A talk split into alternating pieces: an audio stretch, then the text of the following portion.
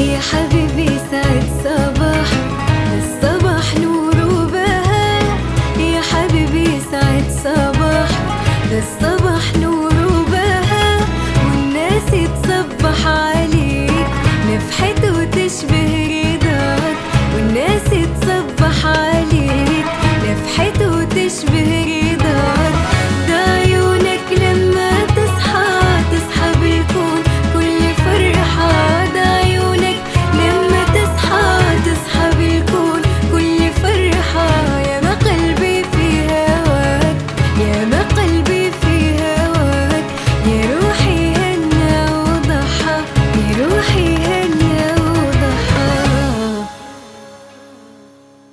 صباح الخير يا عدن.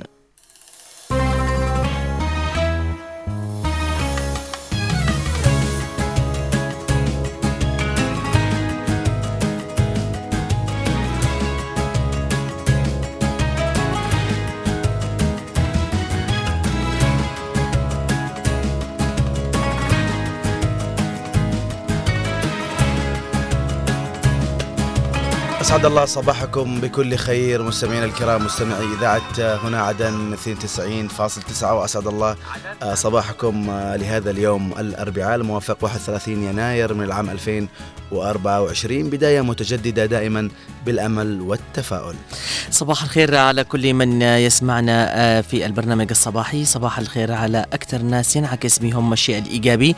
على بقية اليوم فلا يوجد أجمل من شعور أن تصلك آه، بعض الرسائل والكلمات الصباحية من أعز الناس على قلبك. صباح الخير على كل من هو متواجد آه، آه، خارج الوطن ويسمعنا في البرنامج الصباحي. أيضا صباح الخير والمحبة على كل من هو نشيط ويبحث على آه، طلب الرزق. صباح الخير على كل عامل موجود في الشارع. صباح الخير على الناس البسيطة التي تبحث على قوت يومها. صباح الخير على كل الناس التي بتصحى نشيطة من الصباح علشان توصل للدوام وتقدم الخدمة للناس بشكل كبير. صباح الخير على رجال الجنود البواسل الموجودين آه، في المرابطين بالجبهات وأيضا موجودين في النقاط الأمنية. صباح الخير على كل الناس البسيطة الفلاحة والمزارعة الموجودة في الريف. صباح الخير لكل محبينا وأصدقائنا اللي يسمعونا مع بداية هذا الصباح.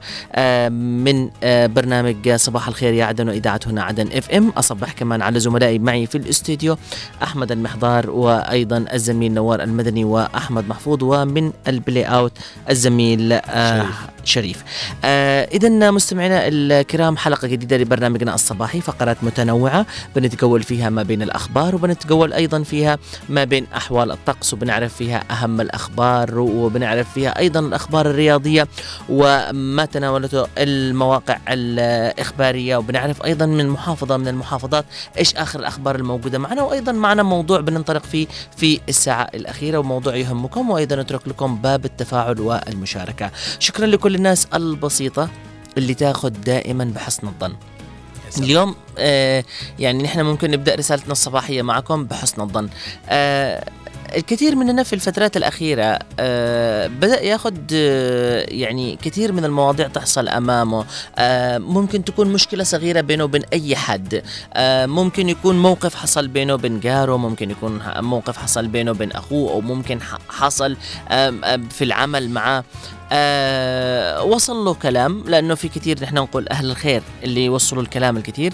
فأخذ بظن سيء أو ممكن تكون حدثت مشكلة معه لكن خلاص يبقى في باله طيلة الوقت إنه الشخص هذا طول الوقت بيأذيه يعني بمجرد إنه لو يجزع هو يتكلم عن أي كلمة أو على أي موقف أو على أي شيء بتلاقيه إنه دائما يحسن ال- الظن بالشيء السيء. آه ما بياخذ الفكرة من باله إنه صحيح. آه يعني آه يعني لا يمكن يكون هذا يتكلم عليه ولا أي شيء ولا ممكن يحسن الظن بشيء آه آه كويس إنه على الإنسان هذا إنه أخذ منه مواقف كويسة واخذ موقف حلو أو مثلا الإنسان ده ما يتكلمش عليه لا بتلاقيه طول الوقت هو يفكر بتفكير خاطئ. فليش نحن بحياتنا نحن دائما نفكر ب ما نفكر بحسن الظن نفكر دائما بالسوء بإنه الإنسان هذا يتربص لنا بإنه هذا الإنسان ياخذ بياخذ مننا حاجات نحن نشتيها مع العلم إنه هي أرزاق مقسمة بين الناس بالتساوي. صحيح بال- بالفعل غسان يعني حتى يعني آه، مناحي حياتنا كلها معتمدة على حسن الظن لأنه. إذا ما أحسنتش الظن آه، الحياة ما بتستمرش آه، إذا أصبحت من النوع اللي يسيء ما بتعيش مع الناس. بتصبح حتى يمكن تشك بأقرب الناس لك في البيت في. في, أسرتك ممكن تسيء الظن بزوجتك بأختك بأمك بأخوك. فدائما دائما يقولوا إنه صاحب حسن الظن ما يخيب ما يخيب لأنه آه، يقدم حسن الظن وحسن الظن مطلوب يعني حس اولا حسن الظن بالله عز وجل طبعا. لأنه البعض اليوم مع الظروف مع الكذا يبدأ يقول يعني وضعنا مش عارف إيش فاولا المطلوب مننا أن نكون أصحاب حسن ظن بالله عز وجل ثاني حاجة حسن ظن يعني باللي حولنا يجب. إن إحنا آه، نتحدث عن آه، يعني وإن كان واحد أفضل مني مثلا في مجال من المجالات. آه، الله يعني أعطاه هذا الشيء نعم. واللي أعطاه يمكن يعطينا صحيح. أو قد يكون الله أعطانا وما أعطاك. فنقدم حسن الظن سواء علينا أو على غيرنا. على غيرنا.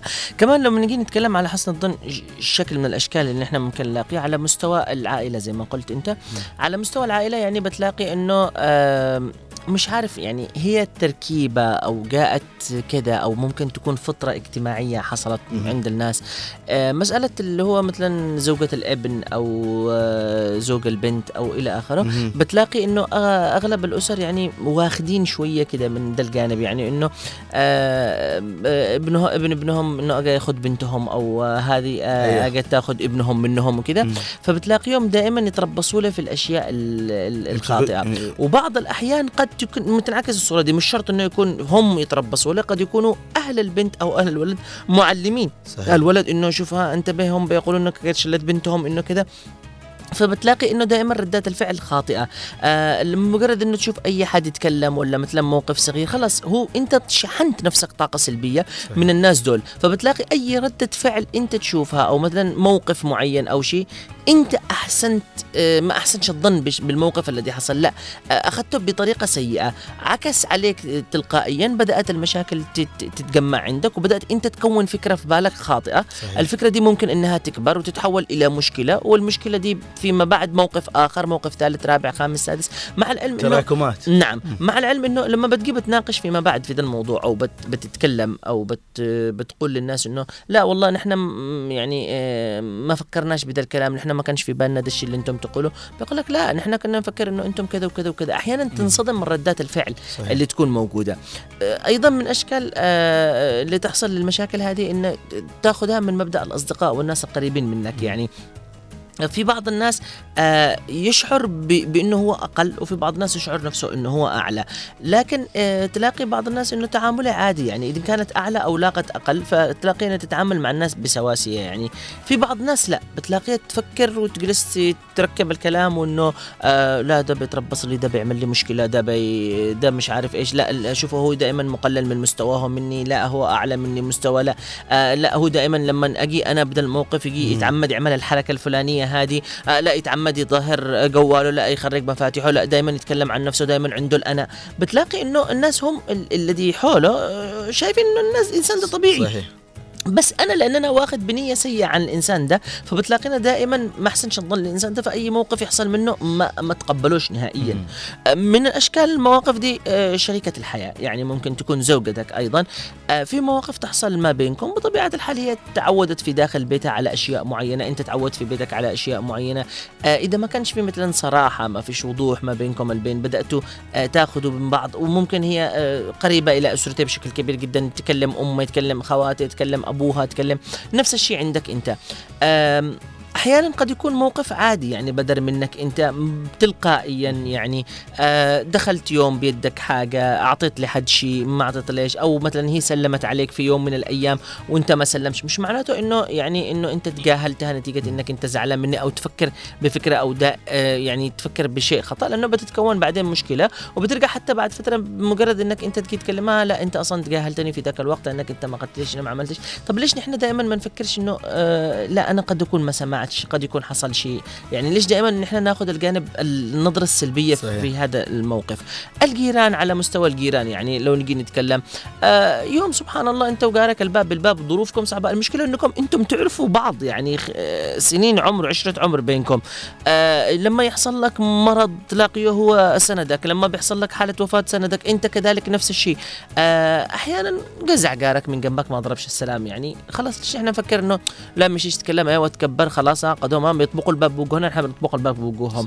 آه آه، هو ما يتكلمش معنا إحنا إحنا ما بنتكلمش معه. ها لا اليوم ما سلمش. لا جزعنا من جنبه. طب سبحان الله إنسان متضايق ضبحان مل يعني شعر بالملل في حياته يعاني من ظروف مشاكل معينة ضغوطات صحيح. ضغوط في الحياة. جزعت انت وهو من درجة واحدة ما سلمش عليك ليش انت ما تسلمش عليه؟ ليش انت ما تبادش؟ ليش نحن دائما ننظر إلى الجانب السيء يعني في حياتنا؟ ليش نحن دائما يعني ما نحسنش الظن؟ ناخذ دائما في الظن السيء إنه لا هو بباله لا هو مش يعمل معي لا هو كذا لا هو بيتربص لي لا ده أنا متأكد يصيد الأخطاء. أي إنسان يتعامل بهذا المبدأ بيموت غلب.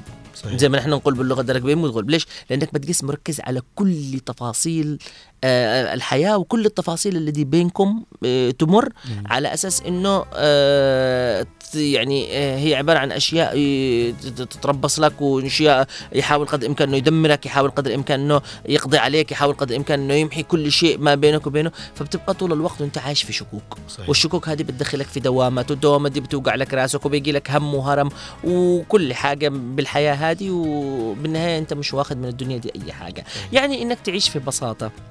إنك ما تاخذ على الإنسان أي شيء إنك آه، تعيش ب ب يعني بلطف إنك إن بادرت بالشيء الطيب. ما بعتقدش إنك أنت بتنقص منك يد ولا برجل ولا واحد بيجي بيقول عليك لا والله يا أخي أنت إنسان آه، طيب زايد عن اللازم. وهذه الجملة اللي نسمعها الشهيره يعني أنت طيب زايد عن اللازم لكن دون الناس ما تستحقش. لا تخليش في بالك هذا الكلام ابدا في الحياة.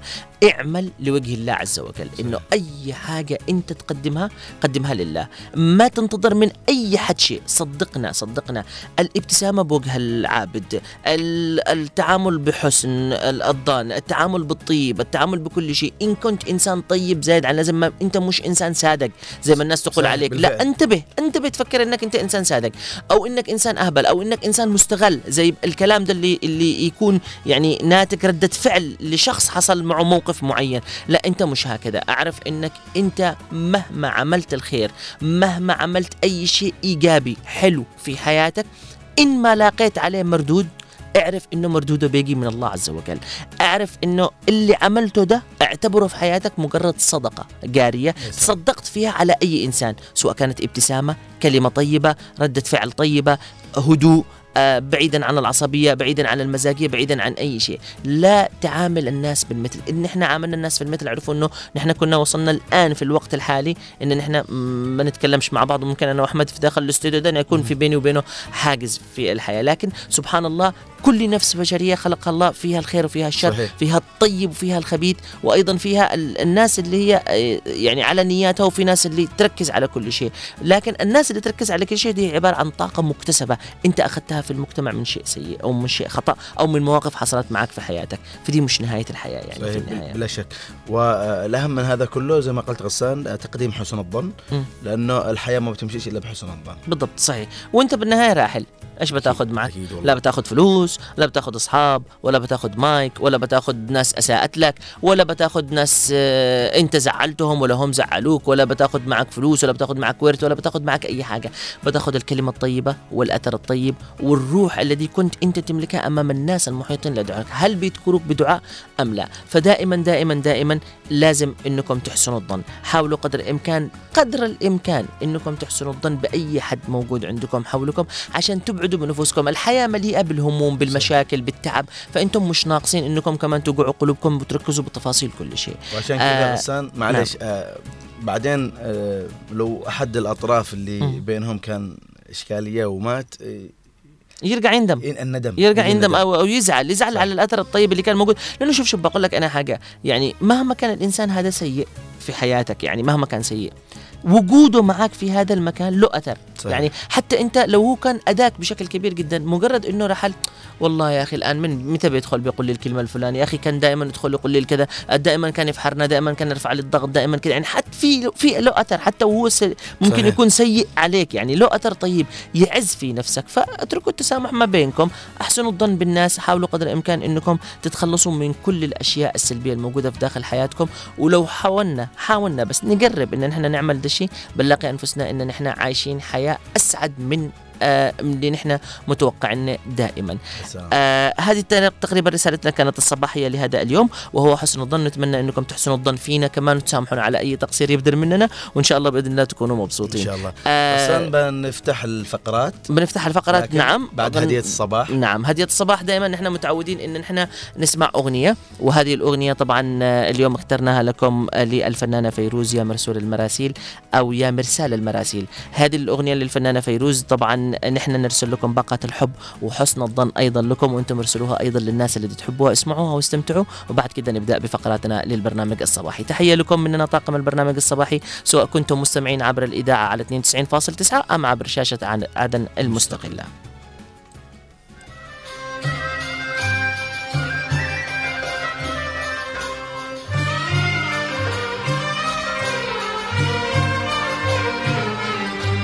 يا مرسال المراسيل القريبة بدربك هالمنديل واعطينا حبيبي. يا مرسال المراسيل القريبة بدربك هالمنديل واعطينا حبيبي. عالداير شوي إيدي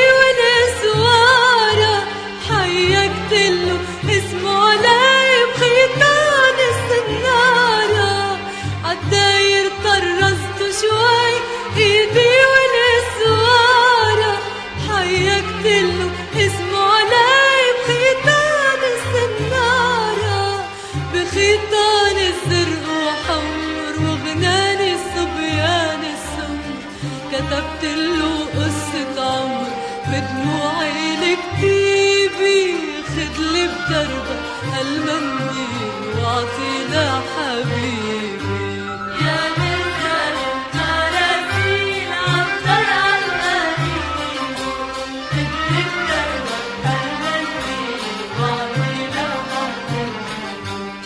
بيته بآخر البيوت قدامه عليت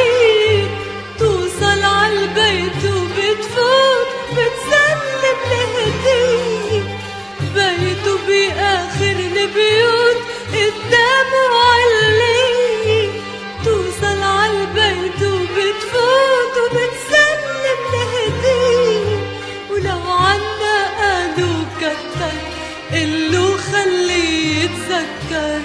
عهالمنديل الأصفر ببعتله مكتيبي خدلي بدربك. هالمنديل واعطينا حبيبي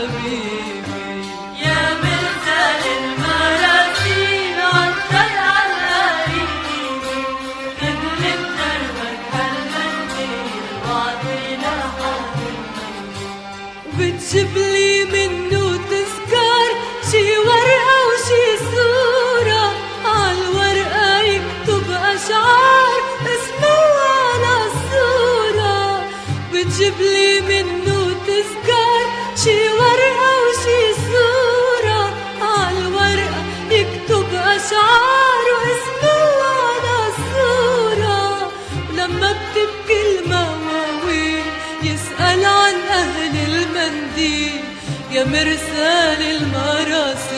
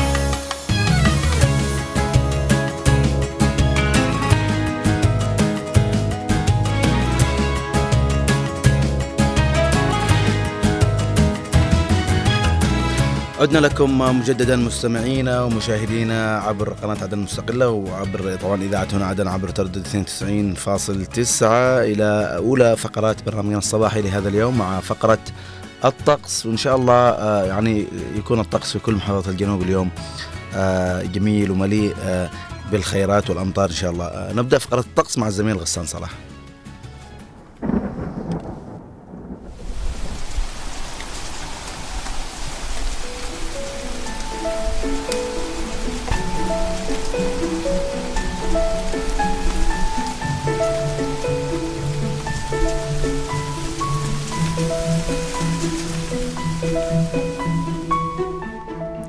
صباح الخير عليكم صباح الأجواء الحلوة الباردة وأيضا الساخنة ما بين ارتفاع درجة الحرارة والبرودة.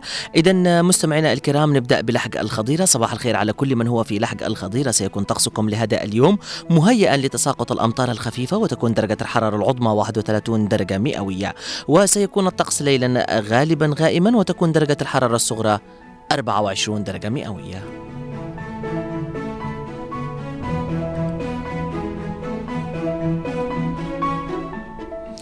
صباحكم سعيد ونهاركم أسعد. كل من هو متواجد في أبين. طقسكم غائما جزئيا مع بداية الصباح ودرجة الحرارة العظمى 30 درجة مئوية. وسيكون الطقس ليلا غال- غالبا غائما وتكون درجة الحرارة الصغرى 26 درجة مئوية.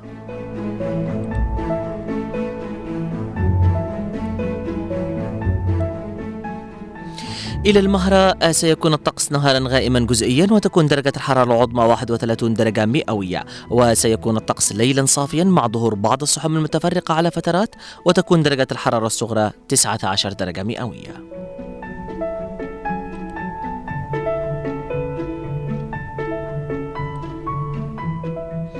إلى الأجواء الجميلة والسماء الصافية في يافع صباحكم خير. سيكون الطقس نهارا غائما جزئيا وتكون درجة الحرارة العظمى 26 درجة مئوية. وسيكون الطقس ليلا ضبابيا وتكون درجة الحرارة الصغرى 15 درجة مئوية.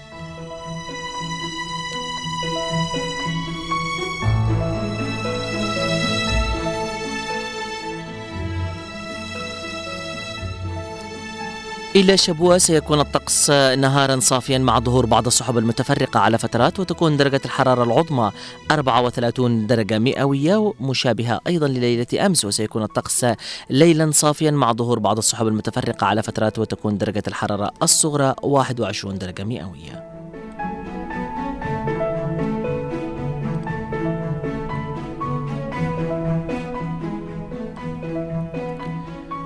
ارتفاع نسبي في آه، الطقس في شبوة وأيضا في الضالع. صباحكم خير وعافية وسيكون الطقس عندكم نهارا في الضالع صافيا مع ظهور بعض السحب المتفرقة على فترات وتكون درجة الحرارة العظمى 24 درجة مئوية. وسيكون الطقس ليلا صافيا مع ظهور بعض السحب المتفرقة على فترات وتكون درجة الحرارة الصغرى 15 درجة مئوية.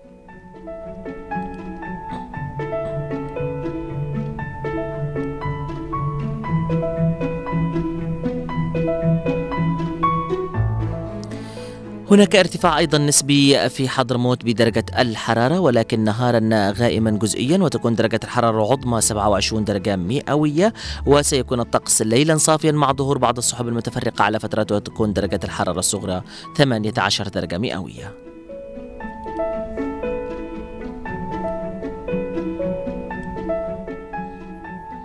إلى جزيرة السحر والجمال سقطرى سيكون الطقس نهارا غائما جزئيا وتكون درجة الحرارة العظمى 27 درجة مئوية وسيكون الطقس ليلا غائما جزئيا وتكون درجة الحرارة الصغرى 19 درجة مئوية.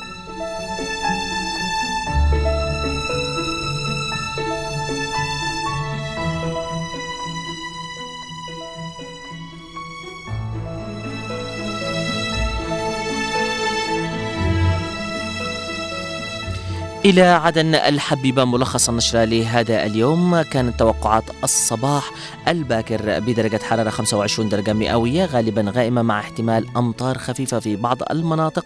أيضا ظهرا غائمة كليا مع آه، درجة آه، حرارة 26 درجة مئوية. تستمر هذه الدرجة إلى فترة العصر مع غائم أيضا جزئيا.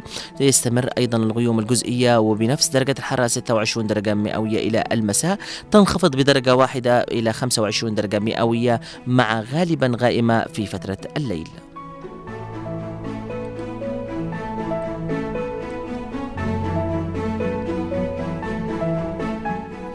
سرعة الرياح في عدن لهذا اليوم صباحا شرقية 14 كيلومتر في الساعة وأيضا ظهرا جنوبية شرقية 16 كيلومتر في الساعة عصرا جنوبية شرقية بنفس السرعة 16 كيلومتر في الساعة تنخفض بدرجتان. آه، في فترة المساء إلى 14 كيلومتر في الساعة جنوبية شرقية ليلا شرقية 15 كيلومتر في الساعة.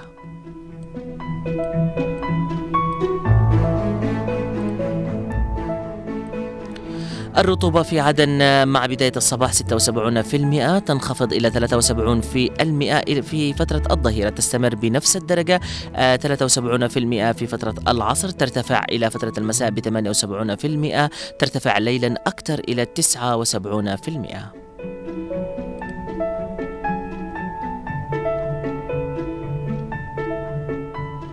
كانت احتمالية الأمطار في عدن مع بداية الصباح بنسبة 41% وقلنا على بعض المناطق ستكون. ولكن ملخص النشرة لهذا اليوم في عدن الحبيبة سيكون الطقس نهارا مهيئا لسقوط بعض زخات الأمطار وتكون درجة الحرارة العظمى 26 درجة مئوية وسيكون الطقس ليلا غائما جزئيا وتكون درجة الحرارة الصغرى 24 درجة مئوية.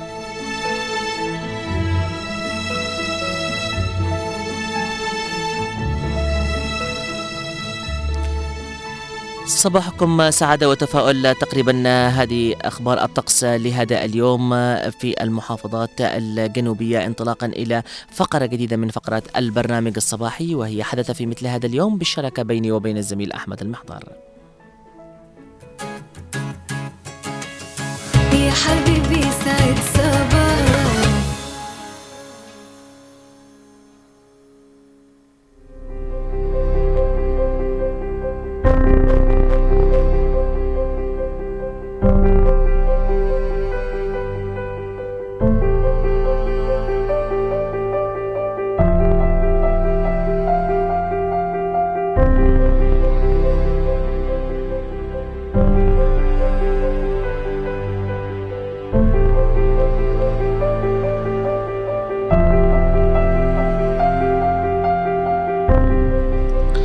أهلا بكم مستمعينا الكرام في.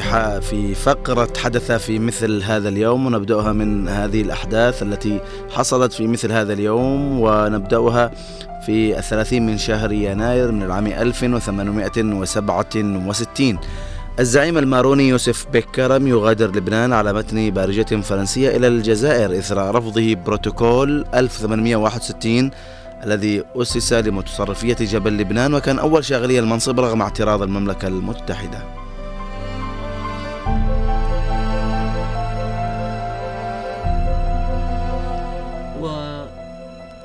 وأيضا من أحداث هذا اليوم من عام 1876 الولايات المتحدة تأمر كل الهنود الحمر بالانتقال إلى المحميات.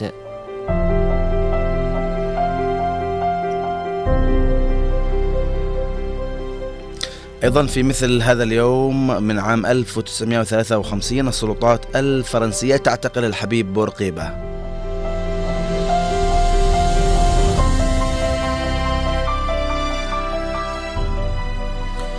وفي مثل هذا اليوم من عام 1915 ألمانيا تستعمل الغاز السام ضد الروس في الحرب العالمية الأولى.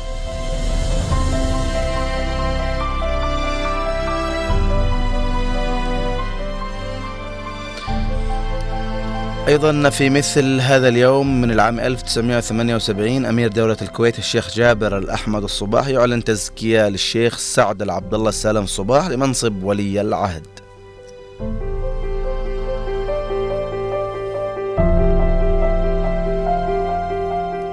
وأيضا في مثل هذا اليوم من عام 1958 إطلاق القمر الصناعي إكسبلور 1 أول الأقمار الصناعية للولايات المتحدة.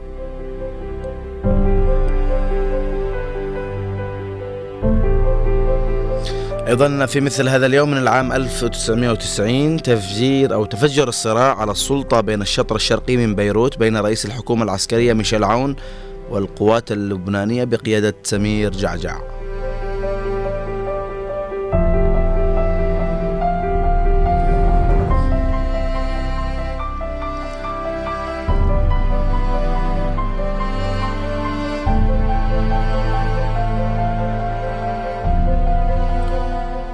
وفي مثل هذا اليوم من عام 2016 مقتل 60 شخصا على الأقل وجرح 110 آخرين في تفجير بمنطقة السيدة زينب في ريف دمشق في سوريا على يد داعش وداعش تتبنى الهجوم.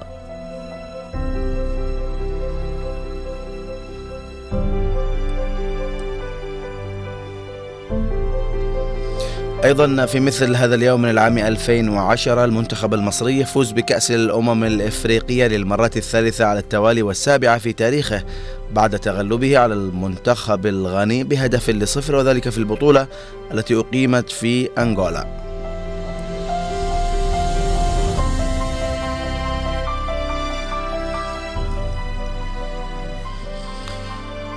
وفي مثل هذا اليوم من عام 2020 المملكة المتحدة تنسحب من الاتحاد الأوروبي بعد 47 سنة من العضوية لتبدأ فترة انتقالية من 11 شهرا.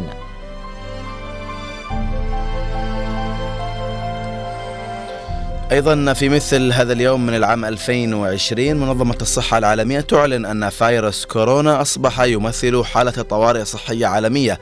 وذلك مع ظهور حالات إصابة في دول أخرى غير الصين.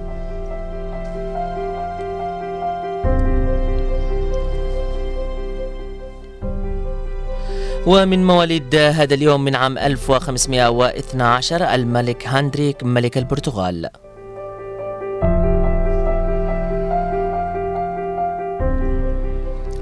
أيضا في مثل هذا اليوم من العام 1881 أرفينج لانغموير عالم كيميائي أمي أو عالم كيمياء أمريكي حاصل على جائزة نوبل في الكيمياء عام 1932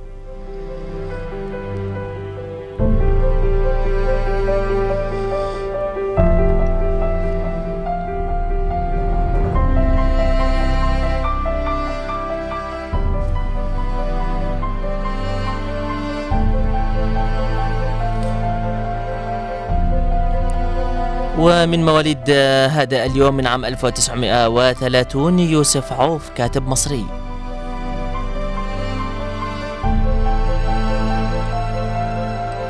أيضا في مثل هذا اليوم ولد آه، طبعا في عام 1934 دريد لحام وهو ممثل سوري.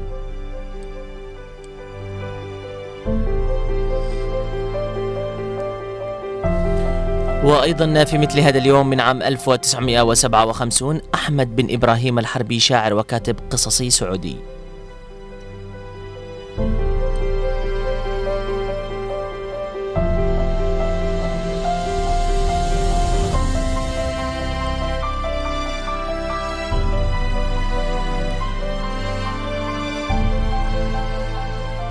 أيضا في مثل هذا اليوم ولد آه، في في عام 1985 أدام فيديركي لاعب كرة قدم أسترالي.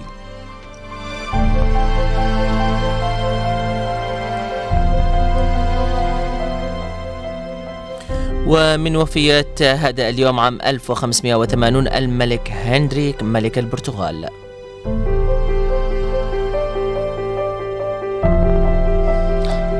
أيضا في مثل هذا اليوم توفي عبد اللطيف بن عبد الرحمن الملا فقيه حنفي وقاضي سعودي طبعا في عام 1921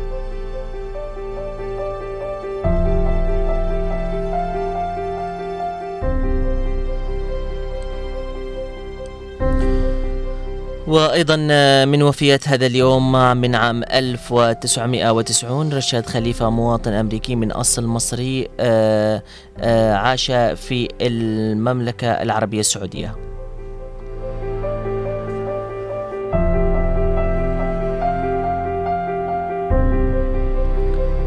أيضا في مثل هذا اليوم من العام 2008 خليل إسماعيل وهو ممثل كويتي. وأيضا من وفيات هذا اليوم عام 1973 ركنر فريش اقتصادي نرويجي حاصل على جائزة نوبل في العلوم الاقتصادية عام 1969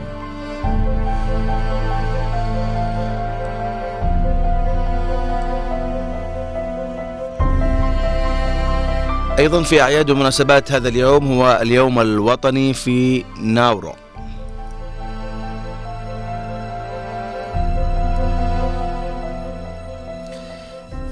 بكذا آه، مستمعينا الكرام تقريبا وصلنا إلى ختام هذه الفقرة من آه، أحداث آه، في مثل هذا اليوم وأيضا المواليد والوفيات. انتهت هذه الفقرة على أمل أن نلتقي بفقرة جديدة مع الزميل أحمد المحضار. وهذه الفقرة طبعا بتتناول أهم الأخبار الإيجابية التي تناولتها المواقع والصحف الإخبارية. وبنعرف أهم الأخبار الإيجابية لهذا اليوم.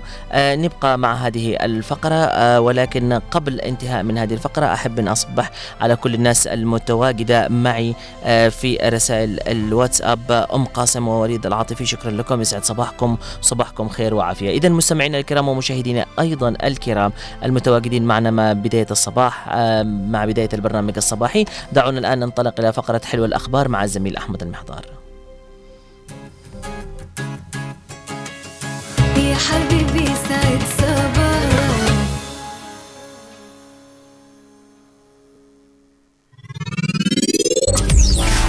أنتم على أثير. هنا هنا هنا هنا هنا عدن اف ام 92.9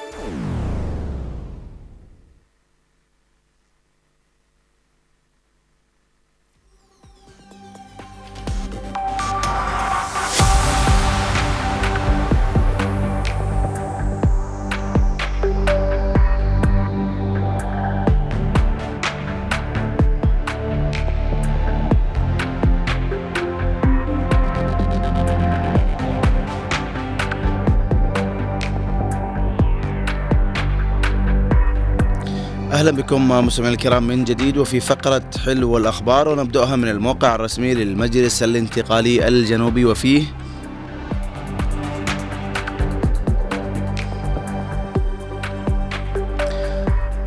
اللواء بن بريك يعزي في وفاة الدبلوماسي والرياضي حسين صالح بن صالح.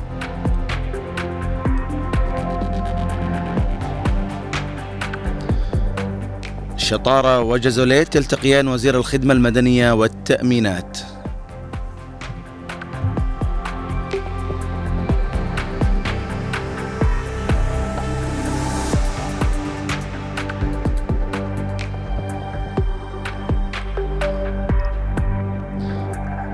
الثقاف يبحث سبل استعادة الدور الريادي الثقافي والفني للمسرح في العاصمة عدن.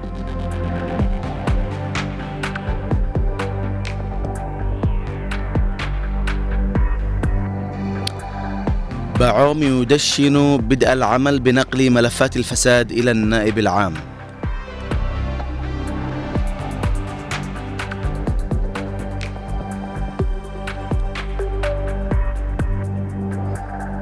مساعد الأمين العام يلتقي مدير عام مديرية دار سعد.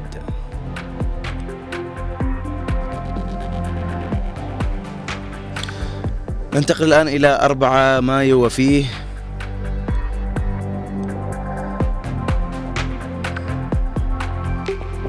برعاية الرئيس الزبيدي إشهار فرع اتحاد الحقوقيين الجنوبيين في محافظة سقطرى.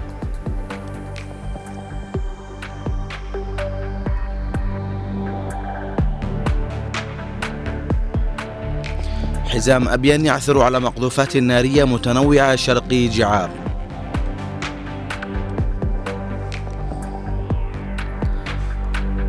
وأحكام قضائية ضد متهمين في تزوير وتعطيل منشأة كهربائية وسرقة المال العام.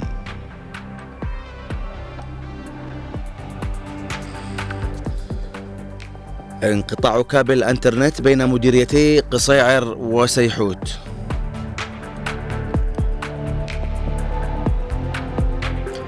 ورئيس انتقال شبوة يتقدم جموع مشيعي جثمان الشاعر الكبير عبد رب القميشي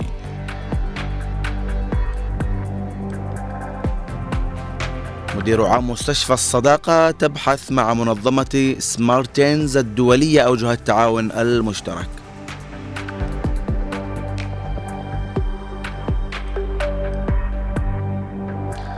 أيضا الغرفة التجارية بعدن تناشد السعودية والإمارات التدخل لإنقاذ المواطنين من خطر الموت جوعاً.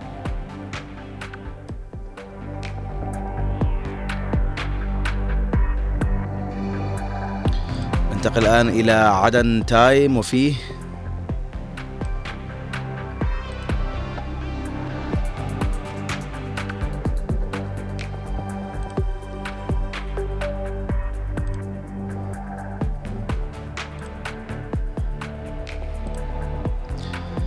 أول رد من وزير في الحكومة على الرسالة العاجلة آه، التي آه، أطلقها محافظ العاصمة عدن. طبعا عن الوضع المأساوي التي تعيشه العاصمة عدن ومحافظات الجنوب.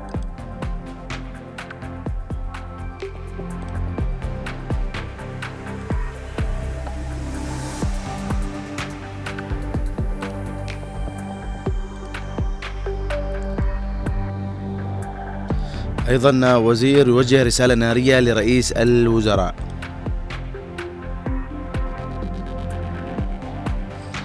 أيضا في لقاء جمع الوزير الوالي والأكاديمية المغربي جازوليت استعراض أبرز الدوافع والمسارات التي آه، ستقام بها الدولة الفيدرالية.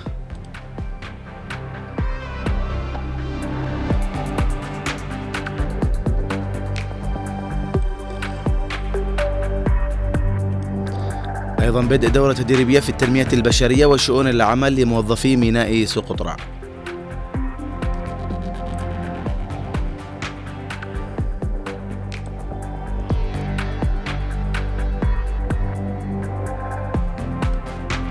أيضا ننتقل الآن إلى عدن 24 وفيه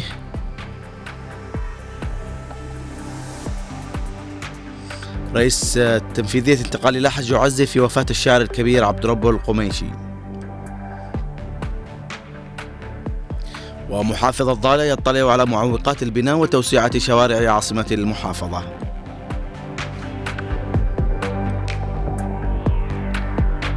تنفيذية انتقال الحبيلين تقف أمام إضراب المعلمين وتشيد بنتائج اللقاء الموسع.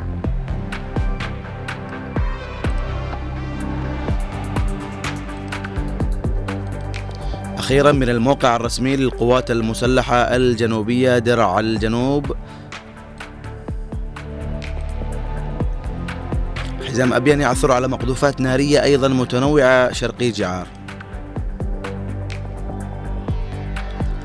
محكمة الأموال العامة الابتدائية بالعاصمة عدن تقضي في قضيتي تزوير وسرقة المال العام.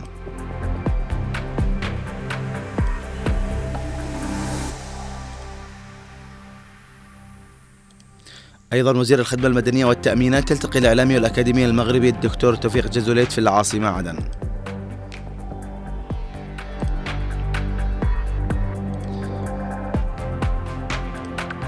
محافظ حضرموت وقائد المنطقة العسكرية الثانية يشهدان حفل تخرج الدفعة الثامنة استجداد بلواء النخبة الحضرمية بالمكلا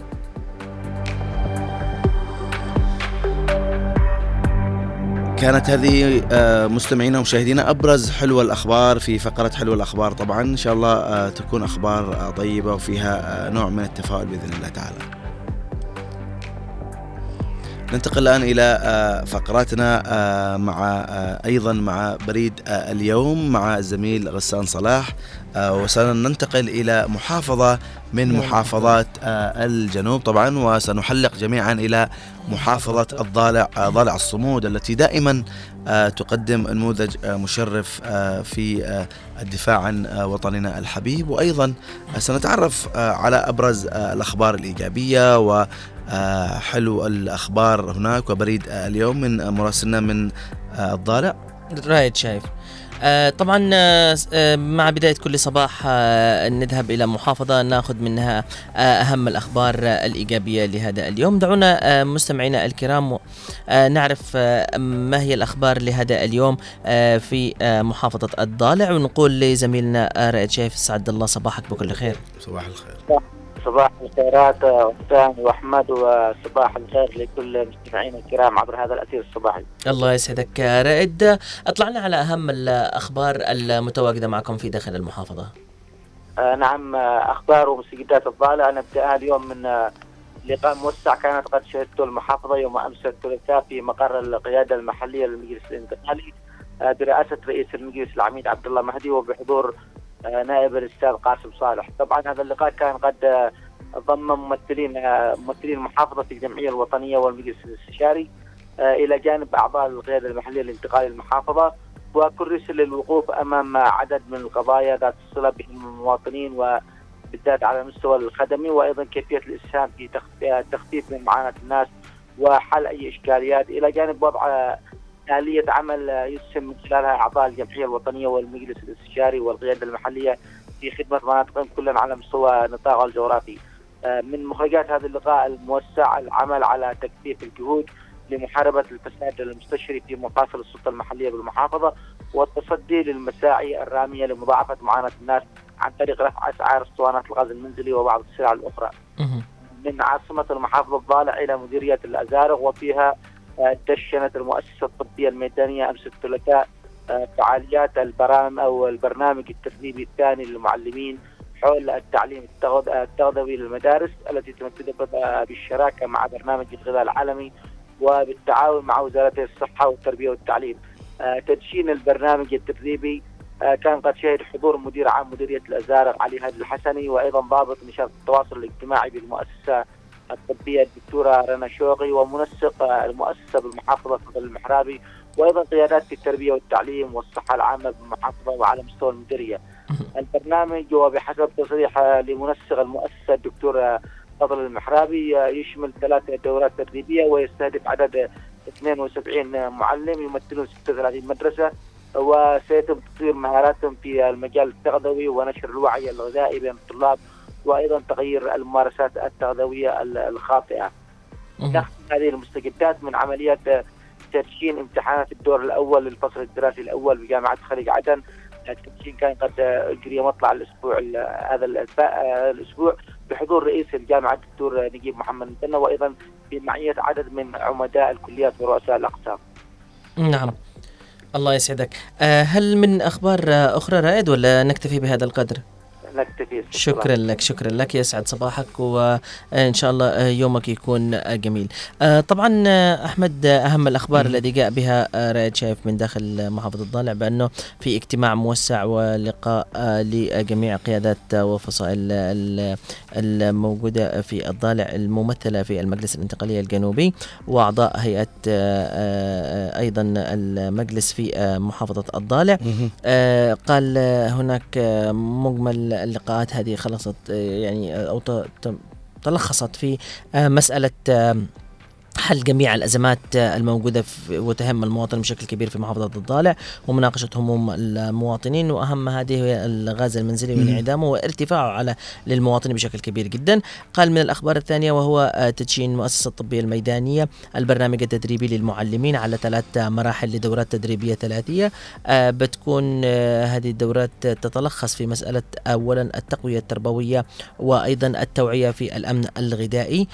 بالنسبة للمعلمين والتربويين وآخر رسالة كانت هي آه، تدشين آه، الامتحانات آه، في الجامعة مهم. لطلاب الجامعة تمنية لهم بالتوفيق والنجاح بإذن الله. بإذن الله. نعم. هذه تقريبا فقرة حلوة الأخبار لهذا اليوم وأيضا عرفنا من بريد اليوم رسائلنا في محافظة الضالع. الآن بننطلق إلى فقرة النشاط ال- آه، التجديد الدورة الدموية في داخل الجسم وأيضا بنعود إلى الزمن الجميل وأيضا الذكريات الحلوة لمن هم في مساحة الوفاء. أن نكرمهم من الرياضيين الجنوبيين آه، على المستوى والصعيد المحلي. دعونا في آه، هذا الوقت. قبل الانطلاق في هذه الفقرة أن نرحب بالكابتن آه، خالد هيثم. ونصبح عليه ونقول له صباح الخير عليك كابتن. صباح الخير.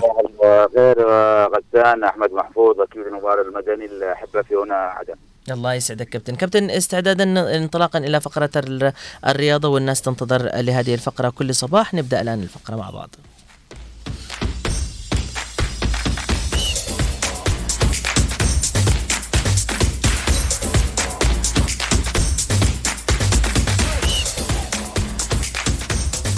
صباح الخير عليكم مستمعينا الكرام. ونرحب مرة أخرى بالكابتن خالد هيثم. يسعد صباحك كابتن. آه، مساحة الوفاة اليوم بنتحدث عن الكابتن وجدي أنور محمد في آه، الذكرى الثالثة آه، لرحيله.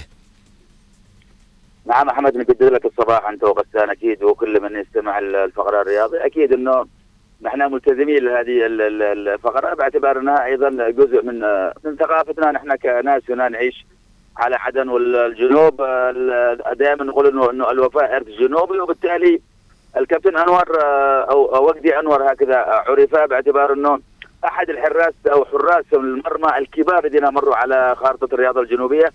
تميز كان في نادي الجزيرة كان في نادي شمسان كان أيضا في نادي التلال كان أيضا آه، مثل المنتخبات الوطنية عضو اللعبة لفريق القوات المسلحة والمنتخبات المدرسية. اذا نتحدث عن حالة جميلة قدمتها كرة القدم. من بوابة آه، هكذا حراس العرير أو حراس المرمى كان مميز آه، صاحب حضور ذهني قوي. توفى الله طبعا يوم 30 نوفمبر 2021 نتحدث عن آه، نجم قدمته مدينة المعلة ليذهب إلى حوار آه، رياضي أمتد لسنوات. آه، أكيد قبل أن يتوفى الله أكيد حوار جميل آه، نحتفظ فيه بكثير من التفاصيل بكثير من الأشياء الجميلة التي أنتمت لكرة القدم باعتبارنا جزء أيضا من حياة مجتمعية شاملة. أكيد نترحم عليه في الذكرى الثالثة أبو عماد طبعا آه، النجم الراحل وجدي آه، أنور آه، محمد. نعم. آه كابتن آه طبعا رحمة الله على الكابتن وهو كان من الرموز الكروية القوية في داخل آه عدن يعني آه خدم كمان أيضا في السلك الإعلامي آه في هذا ال- نعم. آه كابتن آه دعنا الآن نبدأ بالأخبار المحلية آه والرياضية لهذا اليوم ولكن البداية بتكون بكرة الطائرة.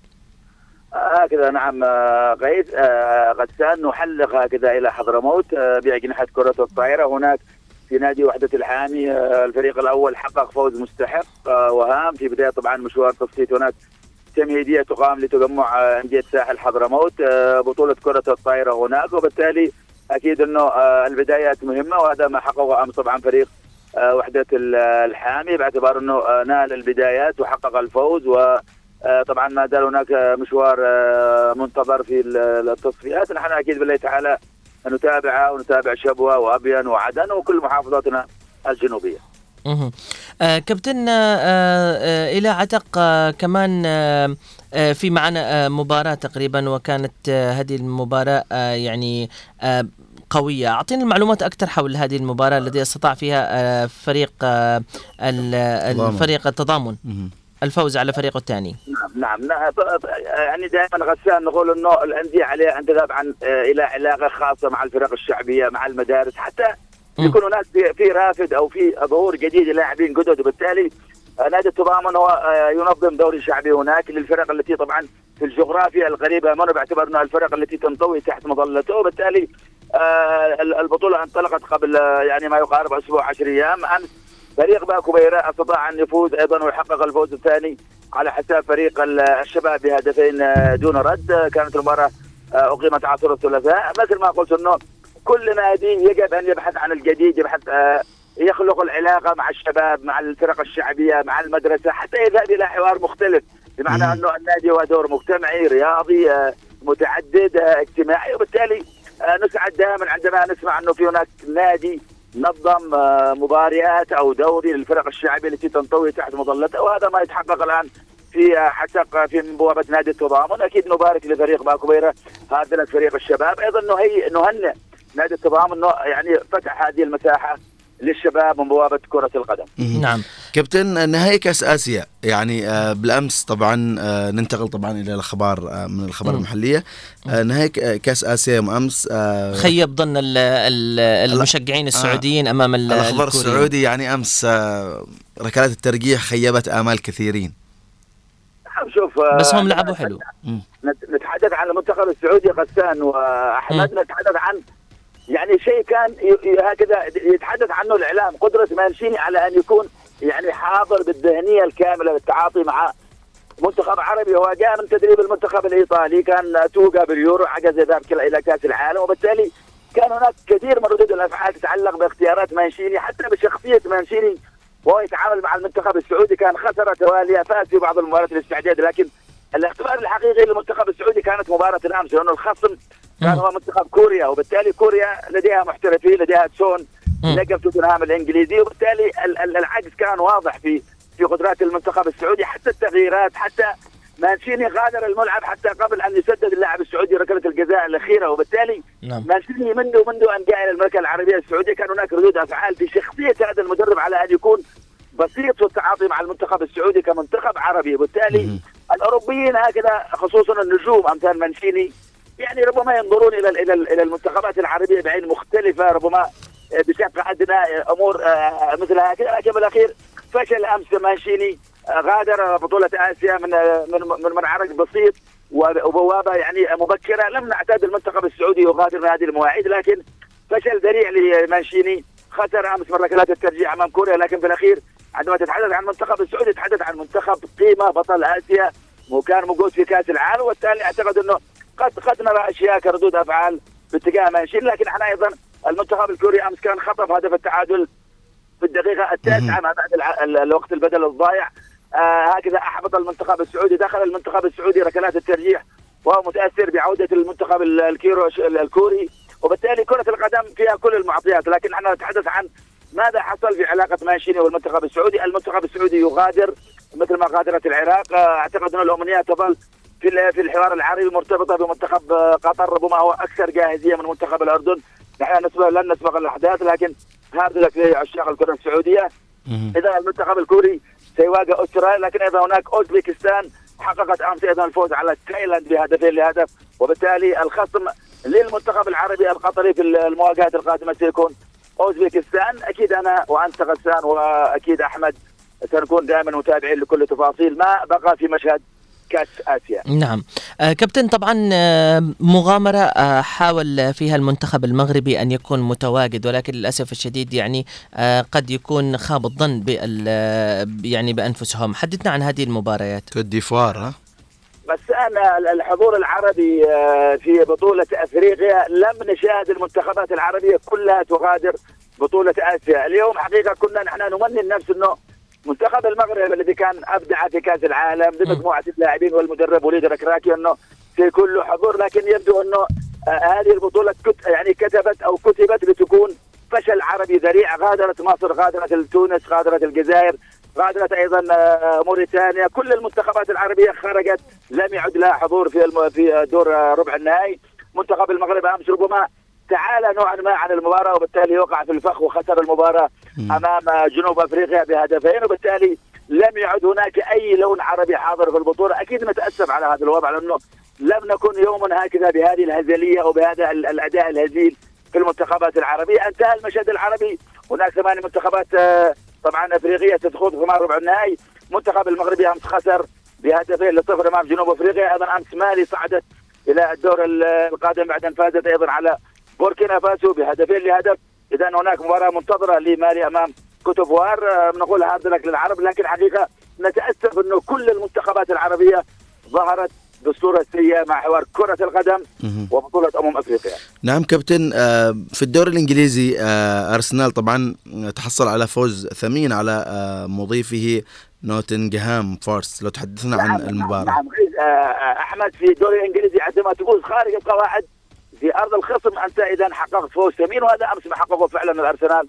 فاز خارج الديار بهدفين لهدف على نوتنغهام فورست في الجوله الثانية والعشرين من الدوري الإنجليزي. طبعا هدفي آه، أرسنال كان سجلها من خلال جابريل جيسوس البرازيلي الجميل أيضا بوكايو ساكا الاسمراني الإنجليزي. بينما احرز كده هدف آه، نوتنغهام آه، اونيني وبالتالي ثلاث نقاط مهمة. أرسنال يستعيد هكذا يتعافى بعد بعض الهزائم كانت تعرض لها في الجولة الماضية. 46 نقطة بفارق نقطتين وراء ليفربول آه، ثلاث نقاط أيضا أمام مانشستر سيتي. هذه تلعب اليوم. اذا نتحدث عن كرة قدم جميلة معطيات أجمل كرة قدم كما ننتظرها دائما محطتها وأيضا مشهدها الجميل هو الدوري الإنجليزي. نعم. آه كابتن آه، ملخص آه، مباريات اليوم لعشاق ومتابعي الرياضة والبداية من كأس آسيا. لأول مباراة بتكون ما بين البحرين واليابان الساعة الثانية والنصف ظهرا. نعم غسان فعلا اليوم آخر مباراتين في ثمن نهائي آسيا. آه، كنا شاهدنا ست منتخبات تأهلت. اليوم بدليت على آخر منتخبين. آه، نمني النفس هكذا بانه لدينا منتخبين عربيين. ال- البحرين ستواجه الي- اليابان. مباراة صعبة جدا لكن ليس هناك في كرة القدم مستحيل. بإمكان البحرين أن انها عدت نفسها صح مثل ما فازت ال- العراق على آه اليابان. لكن اليابان أيضا الثبات من السقوط أمام العراق. لا يريد أن يكرر النكبات. نحن سنتابع المباراة مثل ما قلت غسان في الثانية والنصف بتوقيت عدن. أيضا لدينا مباراة في الخامسة. منتخب عربي آخر سوريا أيضا يختبر قدراته أمام اليابان ب- أمام إيران ل- بامنيات طبعا الذهاب إلى الدور القادم. في الدور الإنجليزي أكيد آه، في العاشره والنصف لدينا مانشستر سيتي مع بيرلي. في نفس التوقيت أيضا توتنهام مع برينتفورد والمباراة الأجمل التي ينتظرها عشاق كرة القدم ستكون آه، أكيد في الحادي عشر وربع هناك ليفربول. تشيلسي مباراة بقيمة الفريقين بقيمة أيضا المواعيد في الدوري الإسباني أيضا لدينا في التاسعة برشلونة الذي يحاول أن يتعافى بعد خيبه الأمل يستضيف أوساسونا. في الحادي عشر أيضا اتلتيكو مدريد. راي فاليكانو شكرا غسان شكرا أحمد شكرا نوار المدني أحمد محفوظ كل من استمع الفقرة الرياضية. تصبح الخير يا عدن أكيد لنا بإذن الله تعالى مواعيد قادمة. بإذن الله كابتن يعطيك العافية وسعداء دائما إنك تكون معنا في هذه الفقرة الجميلة اللي صراحة ينتظرها عشاق آه، الرياضه لسماع موجز آه، رياضي مختصر شكرا لك كابتن نعم. إذا آه، مستمعينا الكرام آه، تقريبا آه، وصلنا إلى آه، ختام آه، أهم الفقرات آه، الصباحية آه، في برنامجنا الصباحي. آه، وتجولنا مع بداية الصباح بأحوال الطقس وانطلقنا بعد كده إلى فقرة آه، حدث في مثل هذا اليوم وعرفنا أهم الأحداث وأهم الوفيات أيضا والمواليد. بعد كده انطلقنا إلى فقرة الأخبار وعرفنا حلو الأخبار على المواقع الإخبارية وعرفنا كمان في محافظة الضالع أهم الأخبار لهذا اليوم. انطلقنا بعد كده إلى فقرة الكابتن خالد هيثم وهي الفقرة الرياضية. تجولنا في المجلة الصباحية لبرنامجنا الصباحي لهذا اليوم انطلاقا إلى فقرة جديدة وهو موضوع اليوم اللي بنتناول آه، آه، بنتناوله في برنامجنا الصباحي وهو موضوع مهم جدا وإن شاء الله بإذن الله ينال إعجابكم معي ومع الزميل أحمد المحضار. ولكن آه، دعونا آه، أذكركم بأرقام الهاتف للمشاركة معنا آه، في موضوع حلقتنا لهذا اليوم على الرقم 20 17 17 و20 11 15 ورقم الواتساب 715 التحية آه، موصولة لك آه، أم قاسم الذي آه، توجهت لنا برسالة صباحية تقول صباح السعادة والأمل والتفاؤل والتوفيق لكم. صباح المحبة. عليكم غسان وأحمد والحمد لله وربي يحفظكم. شكرا لك. كمان معنا رسالة من وليد العاطفي يقول صباح الخير عليكم صباح النور والعافية. أم عاطف صباح الخير عليكم جميعا. تحياتي للغائب أخونا غيث أحمد إن شاء الله بإذن الله بيعود مرة ثانية عوض العبيدي يقول منورين ربنا يحفظكم. صباح الخير عليك يا عوض وإن شاء الله يومك جميل. إذا آه، مستمعينا الكرام موضوعنا أو موضوع حلقتنا لهذا اليوم في البرنامج الصباحي لمن حابب أن يحضر لهذا الموضوع. بنتعرف عن آه، ثقافة ال- أو الثقافة الضائعة آه، في المجتمع ما بين أواسط الشباب. لمعرفة أكثر حول هذا الموضوع تابعونا ولكن بعد هذا الفاصل.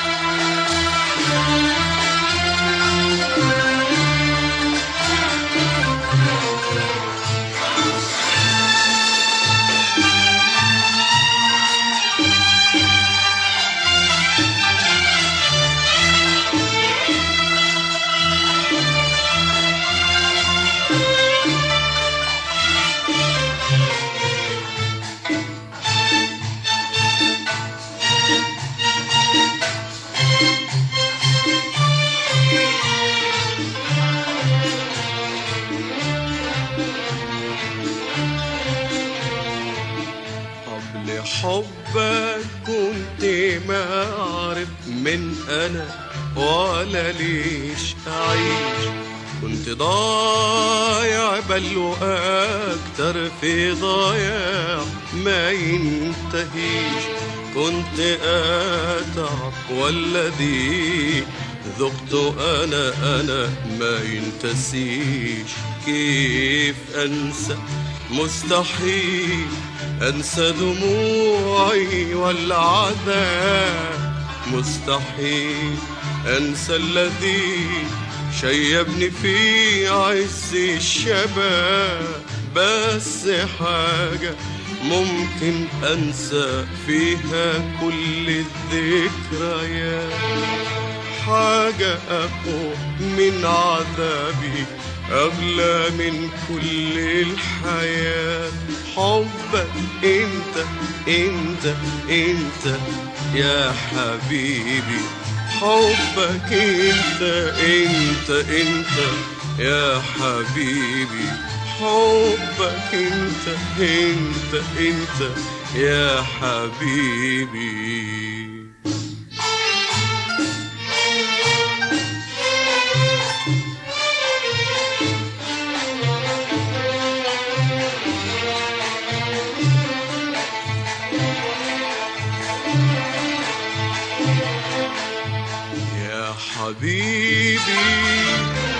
يا حبيبي يا حبيبي ما دريت إيش بس أقول أو إيش أحكي كيف أصور فرح قلبي من سعادتي اشتياق يا حبيبي يا حبيبي يا حبيبي ما دريت إيش بس أقول أو إيش أحكي؟ كيف أصور فرح قلبي من سعادتي اشتياقي يا حبيبي. اشتي كل الناس تعرف ان أنا فرحان سعيد. اشتي كل الناس تعرف ان أنا فرحان سعيد. اشتي ما ادريش إيش اشتي اشتي كل الدهر عيد. أشتي ما أدريش إيش أشتي أشتي كل الدهر عيد مش بسيط حبك عالي ده خلقني من جديد. ده جعلني أنسى نفسي أنسى كل اللي جرالي. أنسى حتى الكون كله إلا شيء واحد في بالي. يا حبيبي حبك انت انت انت يا حبيبي. حبك انت انت انت يا حبيبي. حبك انت انت انت يا حبيبي.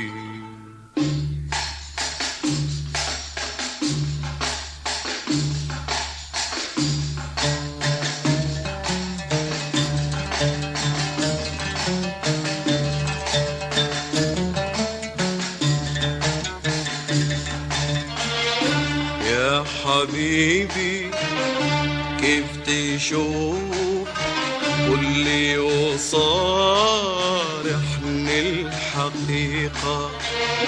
ده النعيم بيكون مؤقت أو إلى آخر دقيقة؟ ما عليش إن كان ردك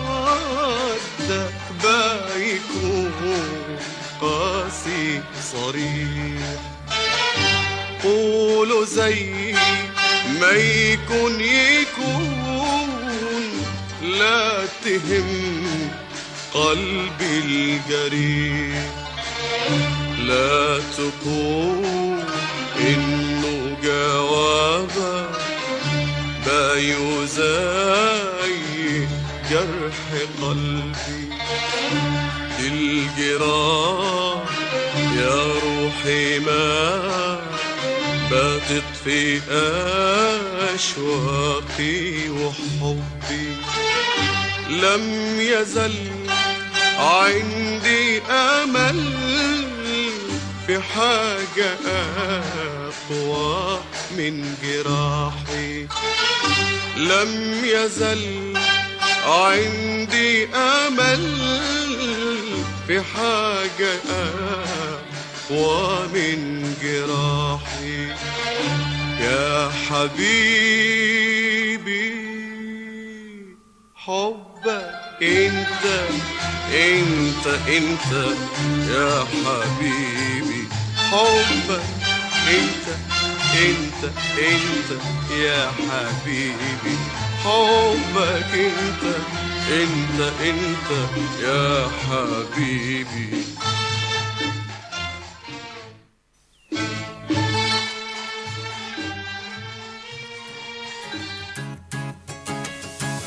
حبيبي.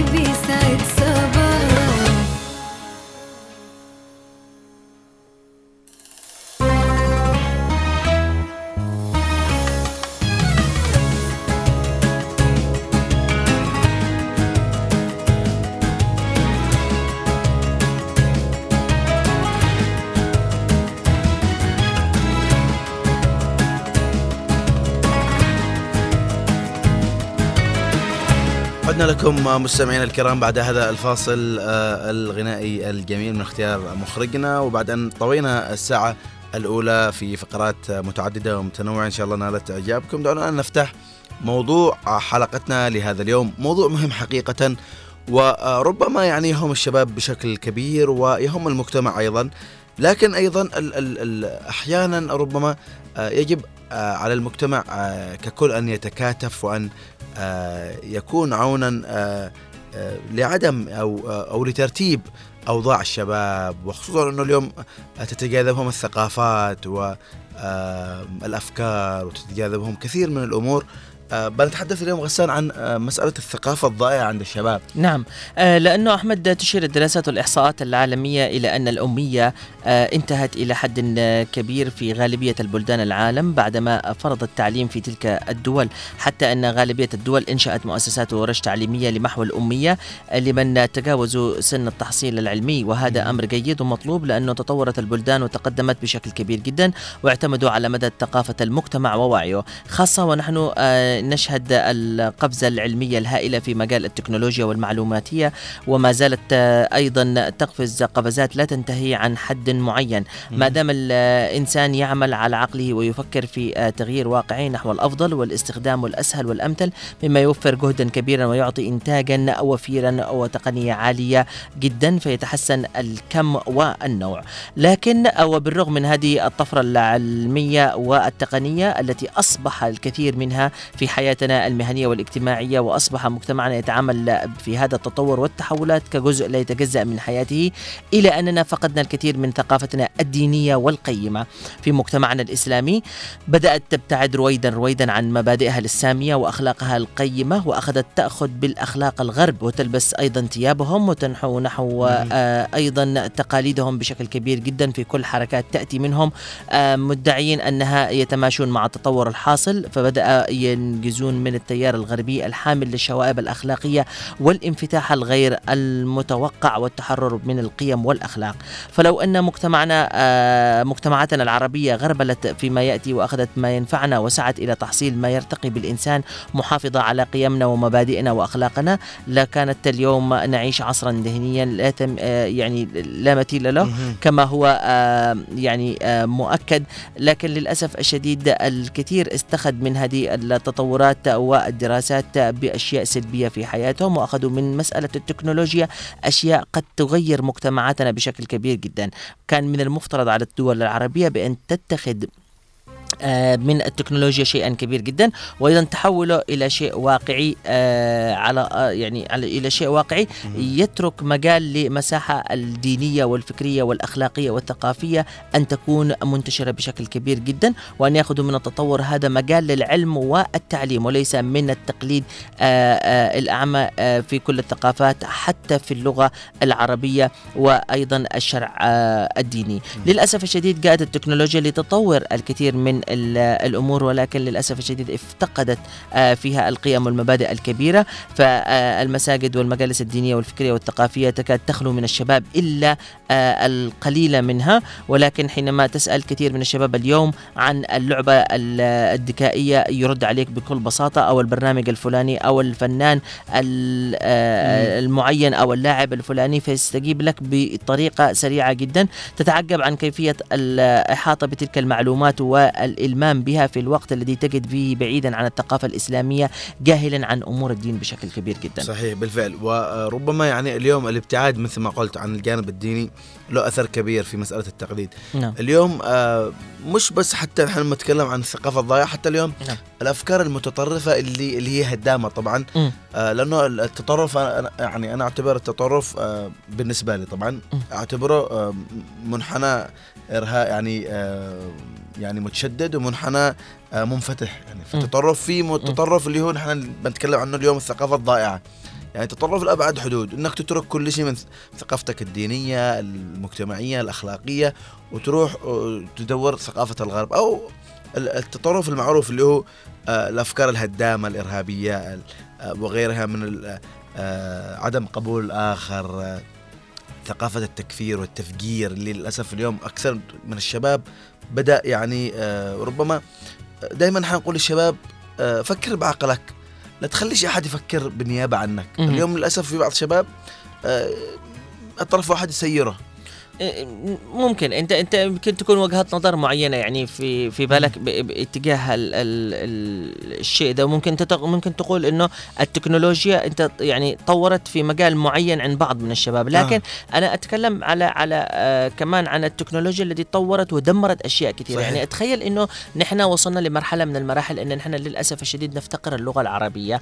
آه طريقة آه حوارنا في اللغة العربية حتى على مستوى سلامنا. نحن علشان نصبح ناس آه من العصر الجديد cute زي ما يقولوا آه. الشباب الطلعة الجديدة وحبوبين. اذا أنا لازم أستخدم مصطلحات اللغة الأجنبية. hi bye مع السلامة. ما عاد نقولهاش نهائيا صحيح. يعني افتهم لك آه يعني أصبحنا نستخدم ث يعني ثقافة. هذه الثقافة طبعا أنت ما, ما, ما تقدرش تقول ما جتش من بالهم هكذا يعني جت من السماء. أكيد هم تعلموها بسبب التكنولوجيا. يعني صحيح. التطور الحديث هو اللي ترك مساحه للمسلسلات الأفلام ال- الأشياء اللي موجودة في داخل الحياة.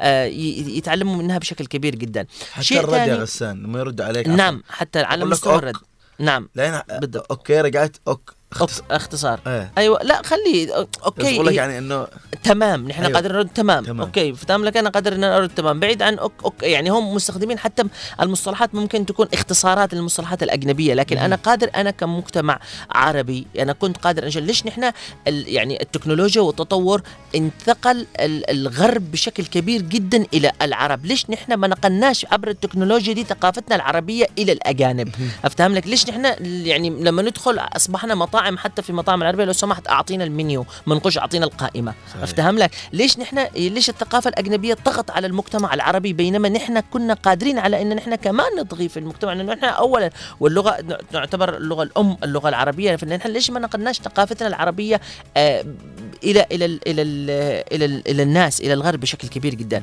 آه ده انعكس مش بس على مستوى اللغة ده انعكس على مستوى الأخلاق على مستوى الشكل على مستوى الرقي على مستوى ال الكلام الخطابة. صحيح إن التكنولوجيا علمت من أولادنا لكن دمرت أشياء كثير موجودة عندهم. يعني نحن الآن تخيل أولادنا أغلب بحثهم على مواقع التواصل الاجتماعي لما يبدأوا يتكلموا. تلاقي إيش اللعبة الفلانية؟ الفنانة الفلانية دي اتطلقت الفلانة الفلانية دي اتزوجت آه، ال- الإعلامية الفلانية صحيح. عملت عملية تجميل متشوهة ويجلس يدور الحدث ما بين الناس ومتابعه يعني لدرجة إنك حتى لما تفتح أي موقع من مواقع التواصل الاجتماعي بتلاقي الأخبار الترند للفنانين والمشاهير. لكن للأسف الشديد ما فيش تبادل الأخبار الدينية للثقافات أخلاق. يعني يعني حتى على على تحس انه فقط اقتصرت السيرة النبوية والأمور الفقهية والأمور هذه اقتصرت فقط على أمور الم- المدرسة فقط لا غير. ليش؟ لأنها نقلت صورة خاطئة في في طريقة التدريس أو التعليم لهذه الأشياء. آه الناس أصبحت يعني شبابنا أصبحوا غير واعيين لهذه ال- المواضيع. أصبحت التكنولوجيا يعني التطور والعلم في التكنولوجيا ينقل الشيء السلبي وليس الشيء الإيجابي. يعني تخيل نحن إن نحن علشان نرتقي بأنفسنا بشكل كبير جدا في ما قبل سنوات بدأت الدول العربية تقضي على محو الأمية علشان التعليم. افتهم لك؟ عشان نرتقي. آه شوية. بدأت تقضي على محو الأمية. نحن للأسف الشديد قضينا على محو الأمية. جبنا التكنولوجيا طورنا من التكنولوجيا للأسف دمرت. تع- دمرنا أشياء كثيرة. مش بس الآن الجريمه هنا الآن لما نتكلم فيها مش بس على مستوى الأولاد في داخل المنزل. لا. أصبح على مستوى الأب والأم.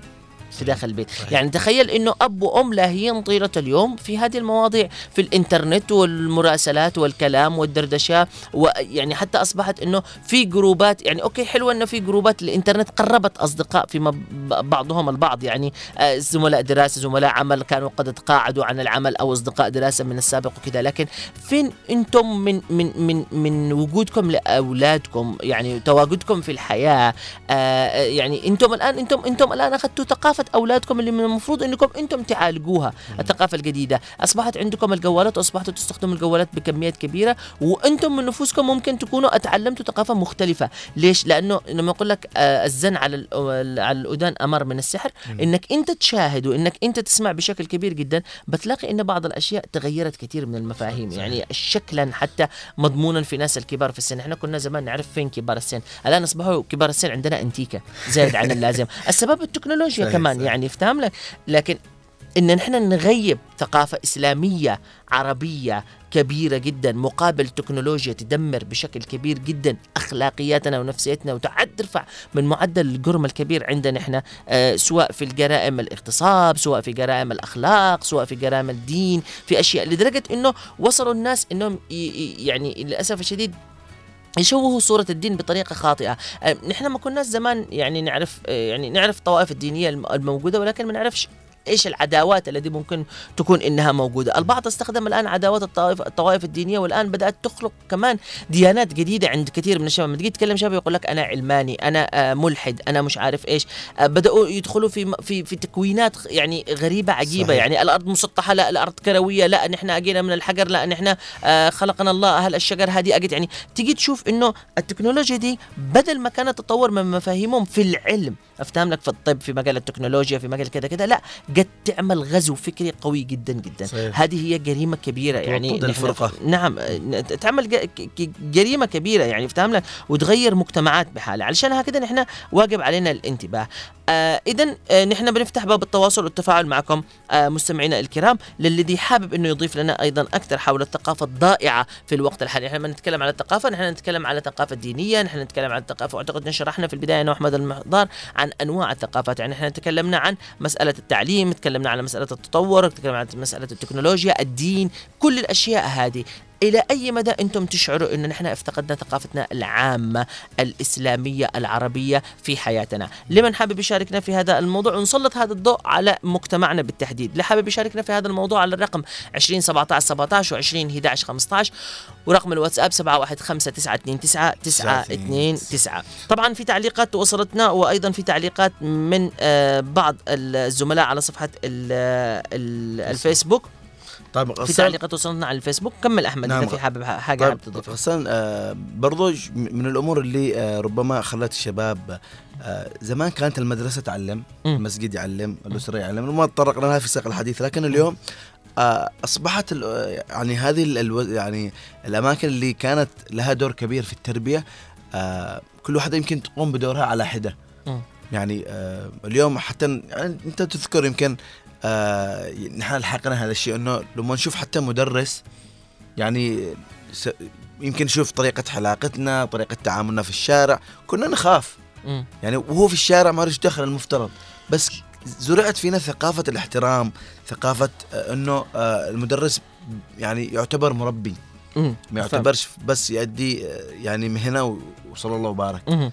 طبعا طبعا لما لما تجي تقول ده الكلام يا يا أحمد ليش؟ لأنه زمان كان آه نحن أخذنا أخذنا مسألة احترام المدرس آه أو أخذنا شيء معين تعلمناه في المجتمع هذا على ما سمعناه من أهالينا مش. ما شفناه افتهم لك الآن الإنترنت والتكنولوجيا تقدر إنك تشوف آه، يعني حتى للأسف الشديد أغلب الفيديوهات الآن التي تشوفها عبارة عن مقالب بمدرسين في داخل المدرسة عبارة عن عدم احترام لل- للمدرسة عبارة عن مواقف مضحكة يعملوها الطلاب الغش المنتشر كل كل دي الأشياء السلبية. إحنا لما دخلنا في الامتحانات الوزارية لو بتتذكر لما عملنا امتحاناتنا الوزارية كنا نفكر بيننا وبين نفوسنا إنه كيف نحن ممكن إن نحن ننجح بأي طريقة كيف نحن ممكن إن نحن نراجع لكن التكنولوجيا علمت الأولاد والتبادل الثقافات الذي كانت صحيح. موجودة والفيديوهات الغش والمش عارف إيش بلا بلا بلا بلا, بلا تركت المجال للناس إنه خلاص يتعودوا على هذا الشيء. فهذه هذا جزء من الضياع الذي حصل بسبب التكنولوجيا صحيح بالفعل نعم. البراشيم إيه، بالضبط لكن آه، للأسف اليوم آه، نحن ممكن نقول يجب إنقاذ ما يمكن إنقاذه. مم. ونركز على كثير من الأمور. وأقل شيء إذا يعني آه، إذا في شاب يسمعنا أو أحد مر بهذه التجربة إنه ممكن يصحح. وبعدين كمان آه، نلحق الجيل الجديد.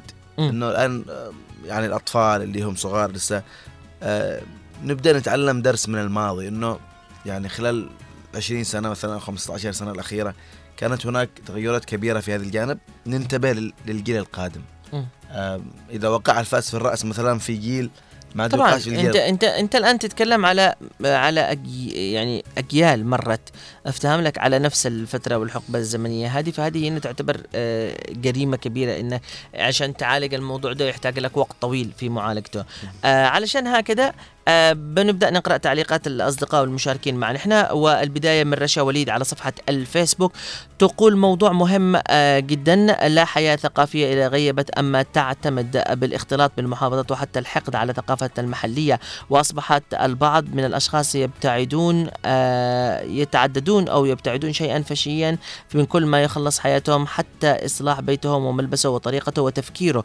يا سلام عليك. أرجو من الإعلام الاهتمام اولا باللغة والعربيه ونشرها عبر آه تبني الكتاب باللغة العدنية مع الافتخار بها وإظهار بالمظاهر الصحيحة. وليس كما نلاحظ آه تكاد تصل إلى التفاهات لين- لينفروا منها. كذلك استضافة الباحثين باللغة العدنية دو عمل آه وعمل برنامج ولو بوقت قصير يوميا عن بعض الكلمات المنسية آه بتعتمد وهي من أصل اللغة العربية. شكرا على هذا الموضوع. شكرا لك يا رشا وليد على المشاركة الرائعة في ال- البرنامج. أيضا معنا آه تعليق من آه زميلنا آه غيث أحمد. نعم معنا تعليق من زميلنا غيث أحمد يقول أستطيع القول عن هذا الموضوع هو أن السبب الرئيسي لضياع الثقافة لم يكن وليد اللحظة في أي حضارة وفي أي تاريخ لأمة وإنما يبدأ من مراحل من مراحل. فضياع الثقافة من الأبناء هو سبب إهمال الآباء وإهمال الآباء أتى نتيجة تقاعس الأجداد من توريثها والتحريص عليها. والثقافة في عصرنا الحالي ليست ضائعة وإنما مهملة فهي في كل مكان نحن فيه على أرض الواقع أو على العالم الافتراضي ولكن لسنا مهتمين بها وهنا يأتي دورنا كإعلاميين وكأكاديميين وكتربويين أن لا نيأس من حث الجميع الصغير والكبير على كسب المعلومات والتزود بالعلم وألا نيأس أبدا ويجب أن نحرص على اهتمامات الأبناء حتى إن كبروا آه، نعلم ما سيشغلوا به مستقبلا وهو التزود بالعلم. شكرا لك يا غيث يعطيك العافية. نعم. آه طبعا لازلنا نستقبل اتصالاتكم وتفاعلكم معنا على أرقام الهاتف 20 11 آه 15 و20 17 17 لمن حابب أن يشاركنا. أرقام الواتساب آه أيضا 715929 عندي كمان تعليق من وضاح عبد الله من عدن يقول الثقافة الضائعة هي مصطلح يشير إلى أن العادات تأول قيم والتقاليد والمعروف التي تتلاشى أو تتلاشى بمرور الوقت. تتحدث عن الظاهرة عادة عندما يتم تجاهل أو تجاوز التراث الثقافي لمجتمع معين ويؤدي ذلك إلى التلاشي. قد يحدث تضاؤل ثقافي بسبب التغييرات الاجتماعية والاقتصادية والتكنولوجية التي تؤثر على القيم والمعتقدات التقليدية. يمكن أن يؤدي التركيز الزائد على العولمة والتكنولوجيا إلى انحسار الثقافة الأصلية وتبدأ التراث الثقافي. عندما تضيع الثقافة آه، تفقد المجتمعات هويتها وتاريخها وروحها. قد يؤدي ذلك إلى فقدان الروابط الاجتماعية وتفا والتفاعل أيضا الثقافي والتنوع الثقافي لذا يعتبر الحفاظ على الثقافه وتعزيز أمرها مهمة للمجتمعات من أجل الاستمرار والتنمية. وضاح عبد الله الفقيه. شكرا لك يا وضاح. وفي نقطة حلوة جدا طرحها وضاح بنتناقش عليها وهي مسألة إنه آه يعني آه فقدان هذه الشيء قد يؤدي إلى فقدان الروابط الاجتماعيه والتع... والتفاعل الثقافي والتنوع الثقافي. التفاعل الثقافي هو دي أهم حاجة بنتناقش آه فيها آه في الوقت الحالي. اتصال هاتفي نوار. معنا اتصال هاتفي من من؟ مرحبا. أهلا وسهلا. أهلا يا أستاذ أسماء. يعافيك يا رب. معك من اسماء ثاني آه خالة أسماء. آه أهلا خالة أسماء تفضلي. آه ما فيش ثقافة شوف كان زمان أول يعني بالرغم إنهم مين بس في ثقافة. والله ثقافة علمية كثير وحتى ولو كانوا معناها ما يروحوا. أيوة. كان يعني مثقفين والله واللغة اللغة شوف في بعض القرى لغة عربية. ها واللغة العدنية مفروض الثقافة تنتشر يعني في كل يثقفوا الأطفال في المدارس يكون في آه، في مادة تثقيف يكون. كان زمان في تثقيف. أيوة. لكن الآن دحين معدومة مع النت على قولتك وال- هذه التكنولوجيا هذه يعني. تقط على كل ما فيش قراءة. ما فيش تحسين القراءة حتى يعني يقرأوا كتاب يقرأوا يعني آه، حق الماضي أيام يعني أيامنا إحنا العدنية. يعني المفروض يكون في ثقافة في مراكز في تثقيف العيال. إلا تحصلون بالأركان معاهم التلفونات هذه ولا دارين بحاجة نعم عم- التكنولوجيا عمتهم وعمت قلوبهم أيوة. نعم خالة الله يعطيك الله يحفظك. شكرا لك يا خالة السلامة. الله يحفظك.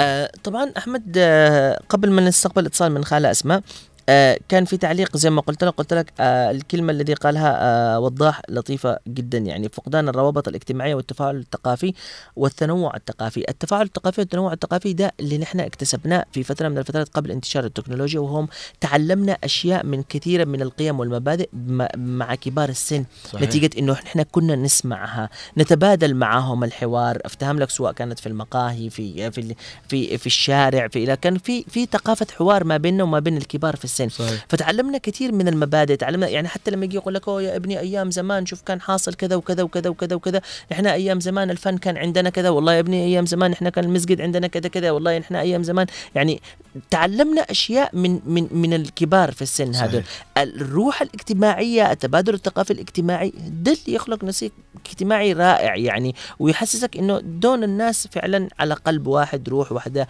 آه جسد واحد ديانة واحدة ده الشيء يعني. لكن للأسف الشديد من أول ما بدأت دخلت التكنولوجيا أصبح مش بس المجتمع اللي أنت ما بتتكلمش معه إن وصلنا لمرحلة من المراحل إنه أهل بيتك اللي موجودين معك أنت بتتكلمش معاهم صحيح. في معنا اتصال هاتفي جديد مرحبا. صباح الخير. صباح الخير والعافيه عليكم صباح النور والعافية. عوض. حياك يا غسان أهلا يا عوض. صباح تفضل. الخير. تحيه لاحمد النهضار يعطيك العافية. عوض الله يحفظك. أقول لك يا غسان أنا مره كنت في مهمة عمل. داخل الجامعة. يعني جلست سماع على شباب. بقول متعلمين ومثقفين و ومتقدمين بالتكنولوجيا بس مم. فيهم جهل بالدين. يعني أنا قاعد أسمع عليهم وهم يتاملوا على واحد إنه في سجده والسجدة هذه يعني مش كيوت مهم. لا حول ولا قوة. يا أخي أشياء ما زميل ضربنا لما أسمع مهم. وأشكالهم مش طيبة يعني السويرات والخياتم والحلاقات هذيك. دخلت معهم دخلت بسيطة لهدرهم. أقول له كم حافظ اجزاء قال لي بدريش أنا اللي درسته بالمنهج بس اللي تحفظته. يعني بكل صراحة يتكلم مفتخر لهذا الموضوع. وهذه الله يدخيل علينا. نعم. طيب عوض في هذه الناحية بهذه الناحية كونك أنت أب يعني لأطفال صغار آه، استخدام أولادك للجوال بشكل كبير جدا. أنت هل تخلق لأولادك من الذكريات القديمة تعلمهم بعض العادات والتقاليد والثقافة الخاصة فيك في أسرتك أنت وفي مجتمعك أم آه، يعني تارك المجال في التكنولوجيا؟ والله يا غسان شوف أنا يعني حاجات هذه التكنولوجيا يعني اللي ما تنفعش. حاولنا نبعدها منهم. اذكرهم بالحاجات الجميلة بالأشياء القديمة. نعم صحيح. القصص اللي درسناها في دروس على حتى حتى. حتى كرتون الأطفال أذكر إنك مرة تكلمت إنه كرتون الأطفال الخاص في أولادك أنت تتعامل مع الكرتون القديم وليس الجديد. أكيد يا رب يحفظكم. الله يسعدك. شكرا لك يا عوض. شكرا لك أشكرك. عوض. بالفعل آه على ذكر كرتون الأطفال يعني مم. من ضمن الأمور اللي الآن حتى فعلا تغيرت الآن يعني تستغرب كرتون أطفال فيه عنف غير طبيعي أعطيك أعطيك آه، أعطيك مثال بسيط على ثقافة رائعة انتهت آه، نحن كنا آه، يعني ما نقولش أيام الدراسه بنقول بال بالإجازة يعني في الأيام الإجازة العادية كنا آه، يعني ممكن أن إحنا نصحى الصباح نفطر بنجلس بنتفرج التلفزيون. الظهر بنجلس بنلعب بألعاب موجودة عندنا في داخل ال- البيت ولا لو كان معنا اللي هو الأثاري يعني أيوة. تتذكر. آه كنا نجلس نلعب في داخل البيت. بعدين وقت الغداء نتغدي كلنا مع بعض بطاولة واحدة أو على الأرض يعني ناكل. آه بعد الغداء مباشرة بعد ترفيع البيت وتنظيفه في حاجة اسمها قيلولة. على الجميع اللي. مش يقيل بس أهم حاجة أنه يدخل يجلس في الغرفة الذي فيها يقيل من يقيل من أصحاب العمل وقت هدوء نعم الساعة ثلاث يبدأ يعني عند الناس ال ال ال الفكر اللي هو إيش؟ آه أولادي بيبدأوا بيبدلوا. يلا ادخل اتغسل بدل نظف نفسك مشط شعرك. تمام؟ البس اللبس اللي حتى لو هو يعني حنسميه باللغة الدارجة اللبس المغبر أو البسيط حق العصر. مم. أفتهم لك؟ مش الشياكة اللي هو أيوه. اللبس اللي بيخرجك يعني عند ناس لا. تنزل تلعب مع أولاد حارتك بحافتك جنب بابك إلى آخره.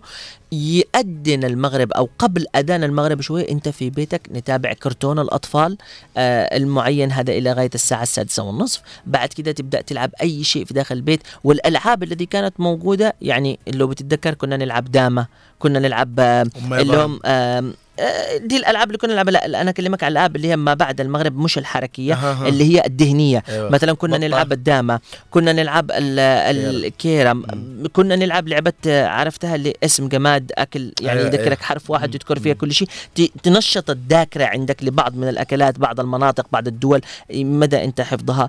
آه كنا نجلس نركز على هذه الألعاب إلى فترة المساء يعني الساعة سبعة ونص يبدأ موعد العشاء. يجي موعد العشاء في هذاك التوقيت تدق الساعة تسعة بالضبط الكل مجهز فراشة للنوم. صحيح. يعني هذا واحدة من الثقافات الموجودة عندنا إحنا. الآن في الوقت الحالي نحن نسأل ليش أولادنا أمراض؟ نحن نسأل أولادنا ليش عندهم توحد؟ نحن نسأل أولادنا ليش مش عارف إيش؟ لأنه ثقافة التربية الحقيقية في داخل الأسرة افتقدت.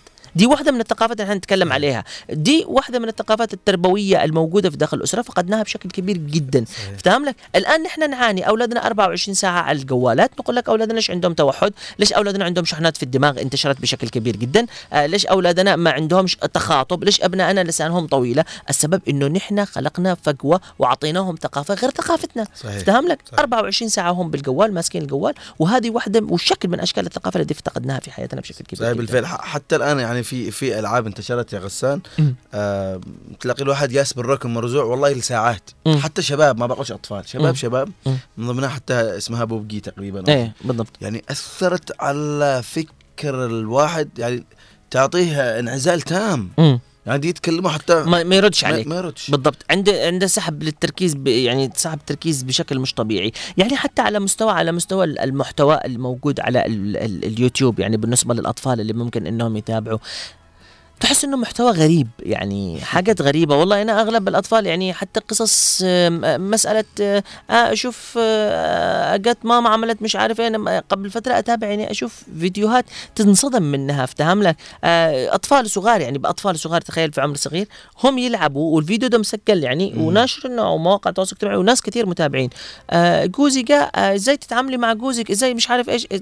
تجي تتفرج كده تشوف حاجات غريبة يعني أطفال صغار عاملين مقطع فيديو إنه أنت كيف تتعاملي مع زوجك طب أنا إذا أولادي من صغرهم الآن متعودين أنا ما لهمش ابني لما يجي يقول لي أنا بسن صغير ابى نشي اتزوج يعني مش بسن صغير بمعنى السن الصغير أنا أقول ما قبل سن المراهقة لا أنا أقول لك سن صغير يعني أنا أكلمك على طفل عمره خمس سنوات ست سنوات لما يقول لك بابا بتزوج افتهم لك؟ إيش فاهم من من أمور الحياة والزواج؟ لا دي كلها عبارة عن الشيء الذي اكتسبه الطفل ده من إيش؟ من الإنترنت أكيد في الوقت الحالي افتهم لك؟ من الثقافة الغربية الذي هو أخذها الغريبة ثقافة التكنولوجيا الذي سحبها الطفل لما عنده وحولها على أرض الواقع عكسها على أرض الواقع يعني عند على, على أرض الواقع. فما تلومش طفل بدا الوقت يجي يتكلم معك بدا الوقت بسبب إيش؟ بسبب إنه الأب والأم لاهين حياتهم معطينهم آه إنترنت عندهم تليفون عشان تتخلص من إزعاجه عشان تقدر تطبخ داخل البيت عشان تقدر تراسل في التليفون الثاني صديقاته وأهله ومش عارف إيش. صحيح. فتبدأ تلهيه في الآيباد. ولا وأصبح الآيباد هي عبارة عن عادة. أنا أذكر زمان كانت أحلى لعبة ممكن إنه تشتريها لما يجي الأب لعبة الدوائر أبو مي.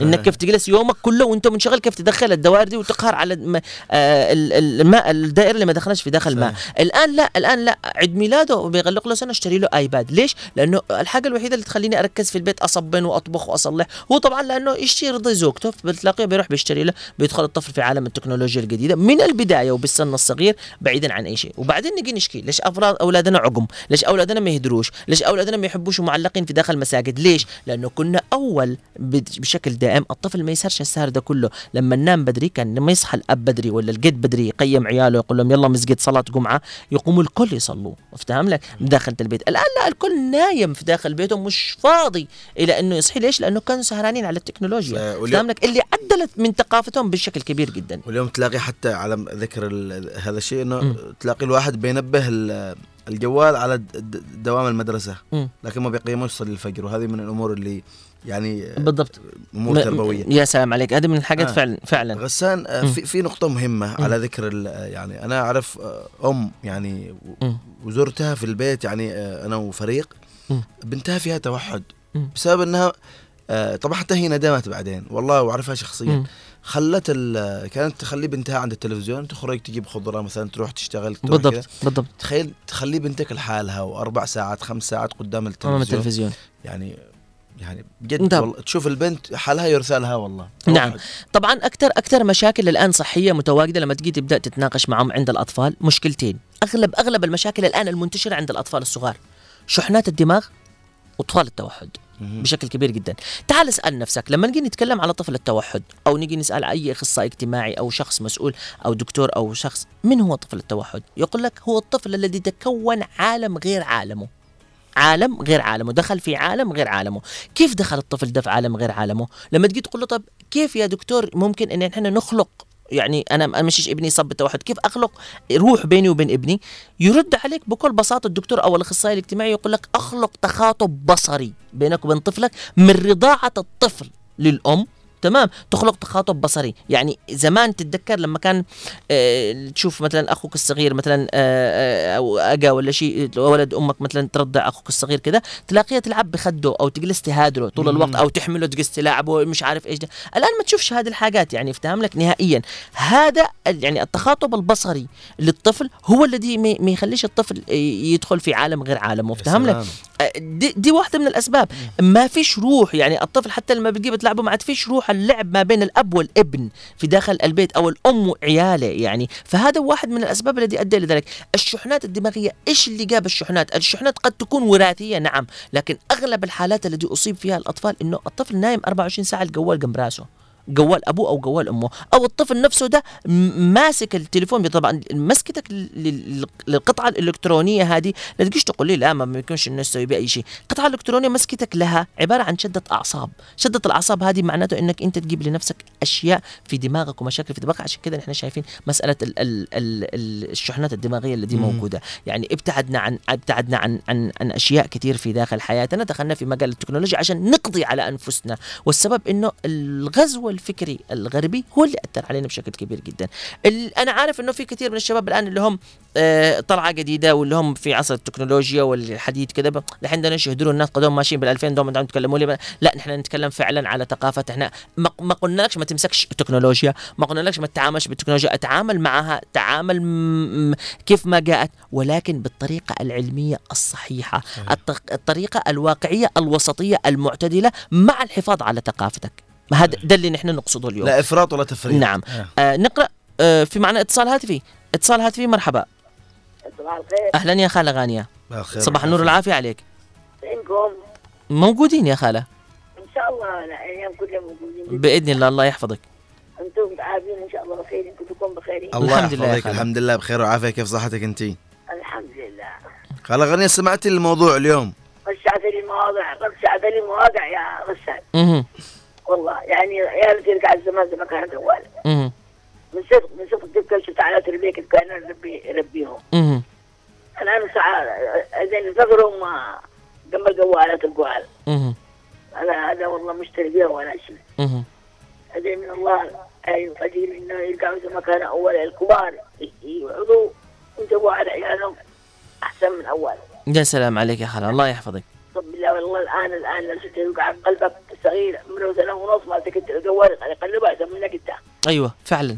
صدق ولا لا؟ أها والله تصلي يقول لك إيش يصلي يشغل أها كيف ال- الاطفال ال- هذا تدخل هنا وتدخل هنا تدخل هنا. والحين تقول له راح أمسك السكانه أنا بوريك كيف تصلي. ما فيش ما فيش نعم. نعم. الساعة الساعة من العشاء قطر 10 ساعات 12 بالليل. أها فأملك ويؤثر على صحتهم بشكل كبير جدا. والقرآن راقدين نعم. والغداء على قولتك إنه قيلولة ما فيش قيلولة. مم. يلا الله بي. بي آمين. الله يحفظك الله يحفظك يا خالة. شكرا لك شكرا. شكرا يا حبيبي. علينا وعليك يا رب. الله يعطيك العافية. شكرا لك يا خالة. يعطيك الصحة والعافية. وأشكرك على المشاركة.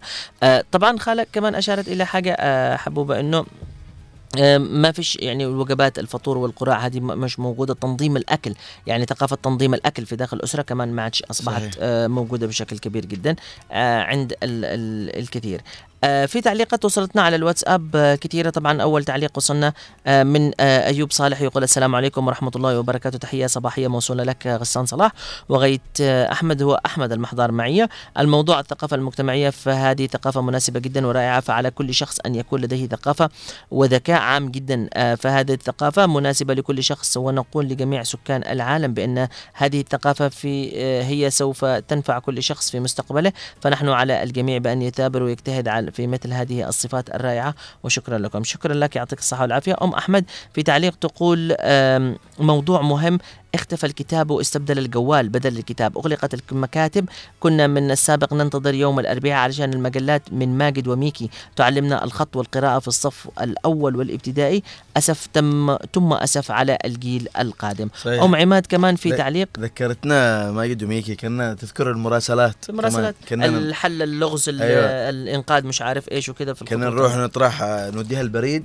عشان تروح آه، مجلة ماجد ماجد. الإمارات. نعم بالضبط. ونطرح الدمغة. كان ذكريات والله حلوة.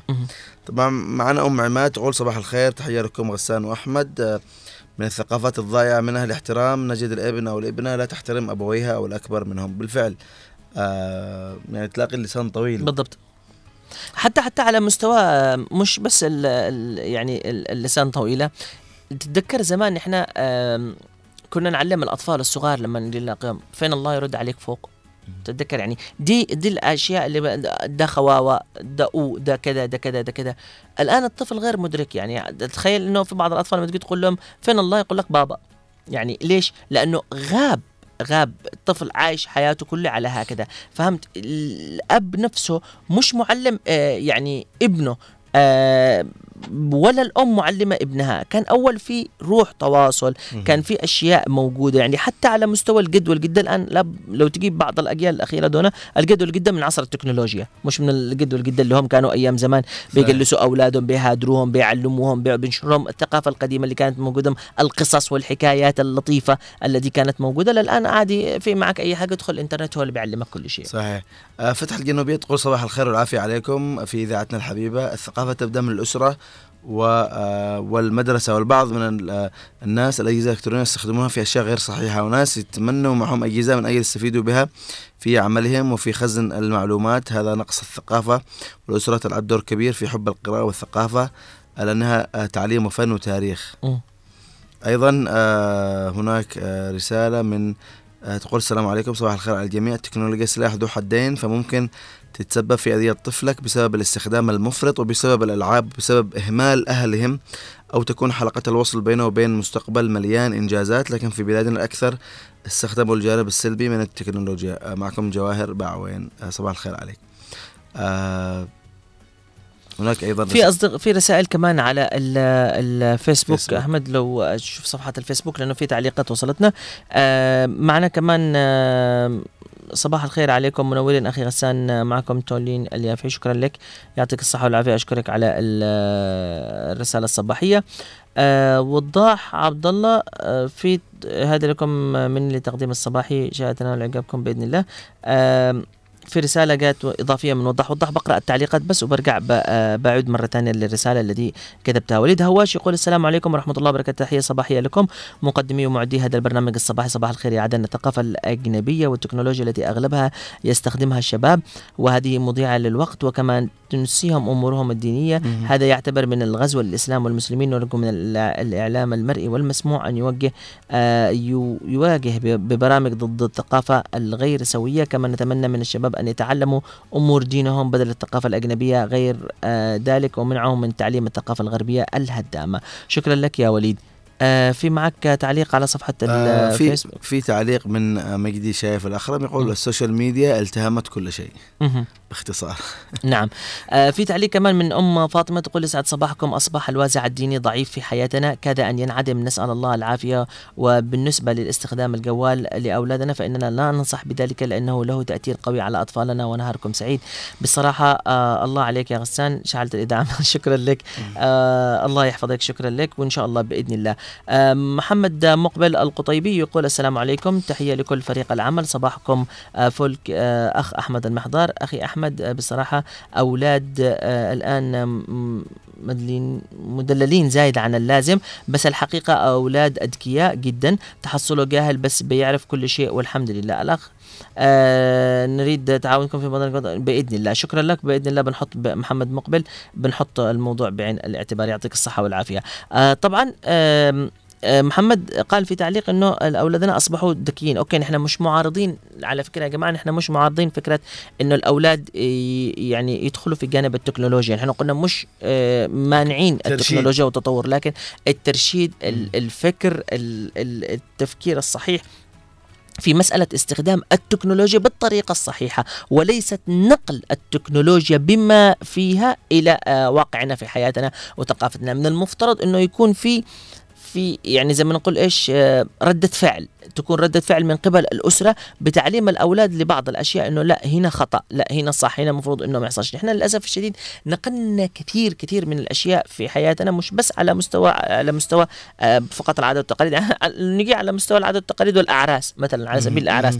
نحن ما كناش زمان كانت أعراسنا بسيطة جدا وحياتنا بسيطة جدا. الآن لو تجي تشوف الحاجات التي تحصل في الأعراس للأسف الشديد مش من بحياتنا الدينية ولا الإسلامية صحيح. ولا ديننا الإسلامي يحطنا أن نحن نعمل هذه الأشياء التي هي موجودة. لكن قد في طر تطور التكنولوجيا وسبب إنه الحاجات التي بانت على المواقع التواصل الاجتماعي ثقافات يا أخي أنا لما أجي أعمل عرس مثلا على سبيل المثال جماعي ولا أعمل عرس لأكل مفتوح واوبن بوفيه ثقافه البلد دي كده. أفتهم لك؟ ده مش صحيح. معناته إنه أنا أنا أسلط الضوء في على واقعي أنا. صحيح. أنقل هذه الثقافة. طب في بلدان مصر طبيعة أعراسهم آه، شعبية في الحارة مقسومة ما بينهم الاثنين الناس ترقص بمكان الحريم مكان أو ممكن يكون عرس جماعي. في الأردن كذلك نفس الشيء الناس عاملين عشاء مفتوح لكن في مصر مختلف عندك. بس ده مش معناته ان أنا أنا أنقل دي الثقافة إلى بلادي لي أنا. أنا عندي ثقافة بسيطة يعني بالبساطة الخفيفة بدون ما أكلف على نفسي أحاول قدر الإمكان صحيح نتعامل الموضوع طرقت طرقت نقطة مهمة على فكرة مم. قبل فترة آه، كانت آه، فرق الرقص تدخل عند الحريم يعني. هذه- من يعني من ضمن الثقافات قد نقول لك من الاشياء يعني مجتمعنا آه، المفترض كان يعني أعتقد أنها تم آه، إيقاف هذه ال- الفكرة ال- اللي يعني دخيلة. أيوه بس آه، هي دي دي من ضمن الثقافات الخاطئة أيوة، اللي ممكن تكون بالفعل، موجودة في. داخل المجتمع آه، تقريبا آه، مستمعينا الكرام نحن وصلنا إلى آه، ختام حلقتنا لهذا الموضوع لكن شكرا لكل من علقنا وآخر تعليق وصل من محمد العبيدي يقول الإفراط هو استخدام تكنولوجيا الأطفال مضرة بسبب آه، آه، يعني آه، بس اللازم متابعة أطفالنا والرقابة عليهم حتى يستفيدوا منها دون ضرر. يا سلام عليك محمد العبيدي. آه، يعني من أجمل التعليقات التي وصلتنا زائد التعليقات اللي موجودة لكن حلو ان كان في الوسط اللي هو الاعتدال يقصد في هذا صحيح. الموضوع وهذا الشيء الجميل. دائما آه، الوسطيه والاعتدال في كل شيء مهمه جدا. نعم. آه تقريبا وصلنا غسان للختام نعم. وحلقه وصلنا لختام موضوع حلقتنا. مهم صراحة. نعم. كان نتمنى إن الناس يكونوا استفادوا من هذا الموضوع بشكل كبير جدا. إن شاء الله. آه بكذا مستمعينا الكرام تقريبا آه انتهت حلقتنا لبرنامجنا الصباحي لهذا اليوم. تجولنا في مجلتنا الصباحية لهذا اليوم ما بين آه الأحوال الجوية وأيضا انطلقنا بفقرة آه حدث في مثل هذا اليوم. انطلقنا أيضا بالأخبار وعرفنا كمان أخبار المحافظات. محافظة الضالع اليوم إيش الأخبار التي كانت موجودة معها؟ انطلقنا إلى فقرة الرياضة وبعد كده إلى الموضوع العريض للنقاش والحوار. آه زي ما سمعتوه كنا نتكلم عن الثقافة الضائعة في ال- المجتمعات ال- في المجتمع الأخير أو الثقافة الضائعة في مجتمعنا العربي والإسلامي. نتمنى يكون موضوعنا استفدتم منه بشكل كبير جدا. من إحنا ما نمنعش إنكم تع... يعني ما تعلموش أولادكم التكنولوجيا ولا تواكبوا العصر بالعكس علموهم أعطوهم الشيء اللي يشتهوا. ولكن حاولوا قدر الإمكان إنكم تفرضوا ثقافتكم العربية التي تعلمتوها من أجدادكم وأولياء أموركم وحاولوا قدر الإمكان إنكم تتمسكوا بدينكم الإسلامي ولو بالشيء ال- القوي لأنه هو آه، آه، اللي اللي يعني قد كفاية الاختراقات التي حصلت. لكن صحيح. يهمنا إن إحنا نتمسك بديننا الإسلامي آه، بثقافتنا العربية كيف ما جاءت. صحيح. آه، غسان آه يعني إن شاء الله بكرة موضوع الله. جديد وحلقة جديدة وربنا إن شاء الله يطيل في الأعمار. تقبلوا آه مستمعينا ومشاهدينا تقبلوا تحياتنا جميعا. مني أحمد المحضار ومن زميلي غسان صلاح. الله يسعدك ومن المخرج نوار المدني ومن المخرج التلفزيوني أيضا أحمد محفوظ ومن قسم البلاي أوت آه اللي محمد خليل. آه محمد خليل من المكتبة المكتبة والتنسيق. الزميل محمد نعم. خليل. وما ننساش كمان قسم البلاي نعم. أوت حسن السقاف واللي كان معنا كمان في صباح الباكر شريف ناجي. نعم. تقبلوا تحياتنا جميعا. دمتم ما دام الوطن بألف خير. أمان عليكم. الله.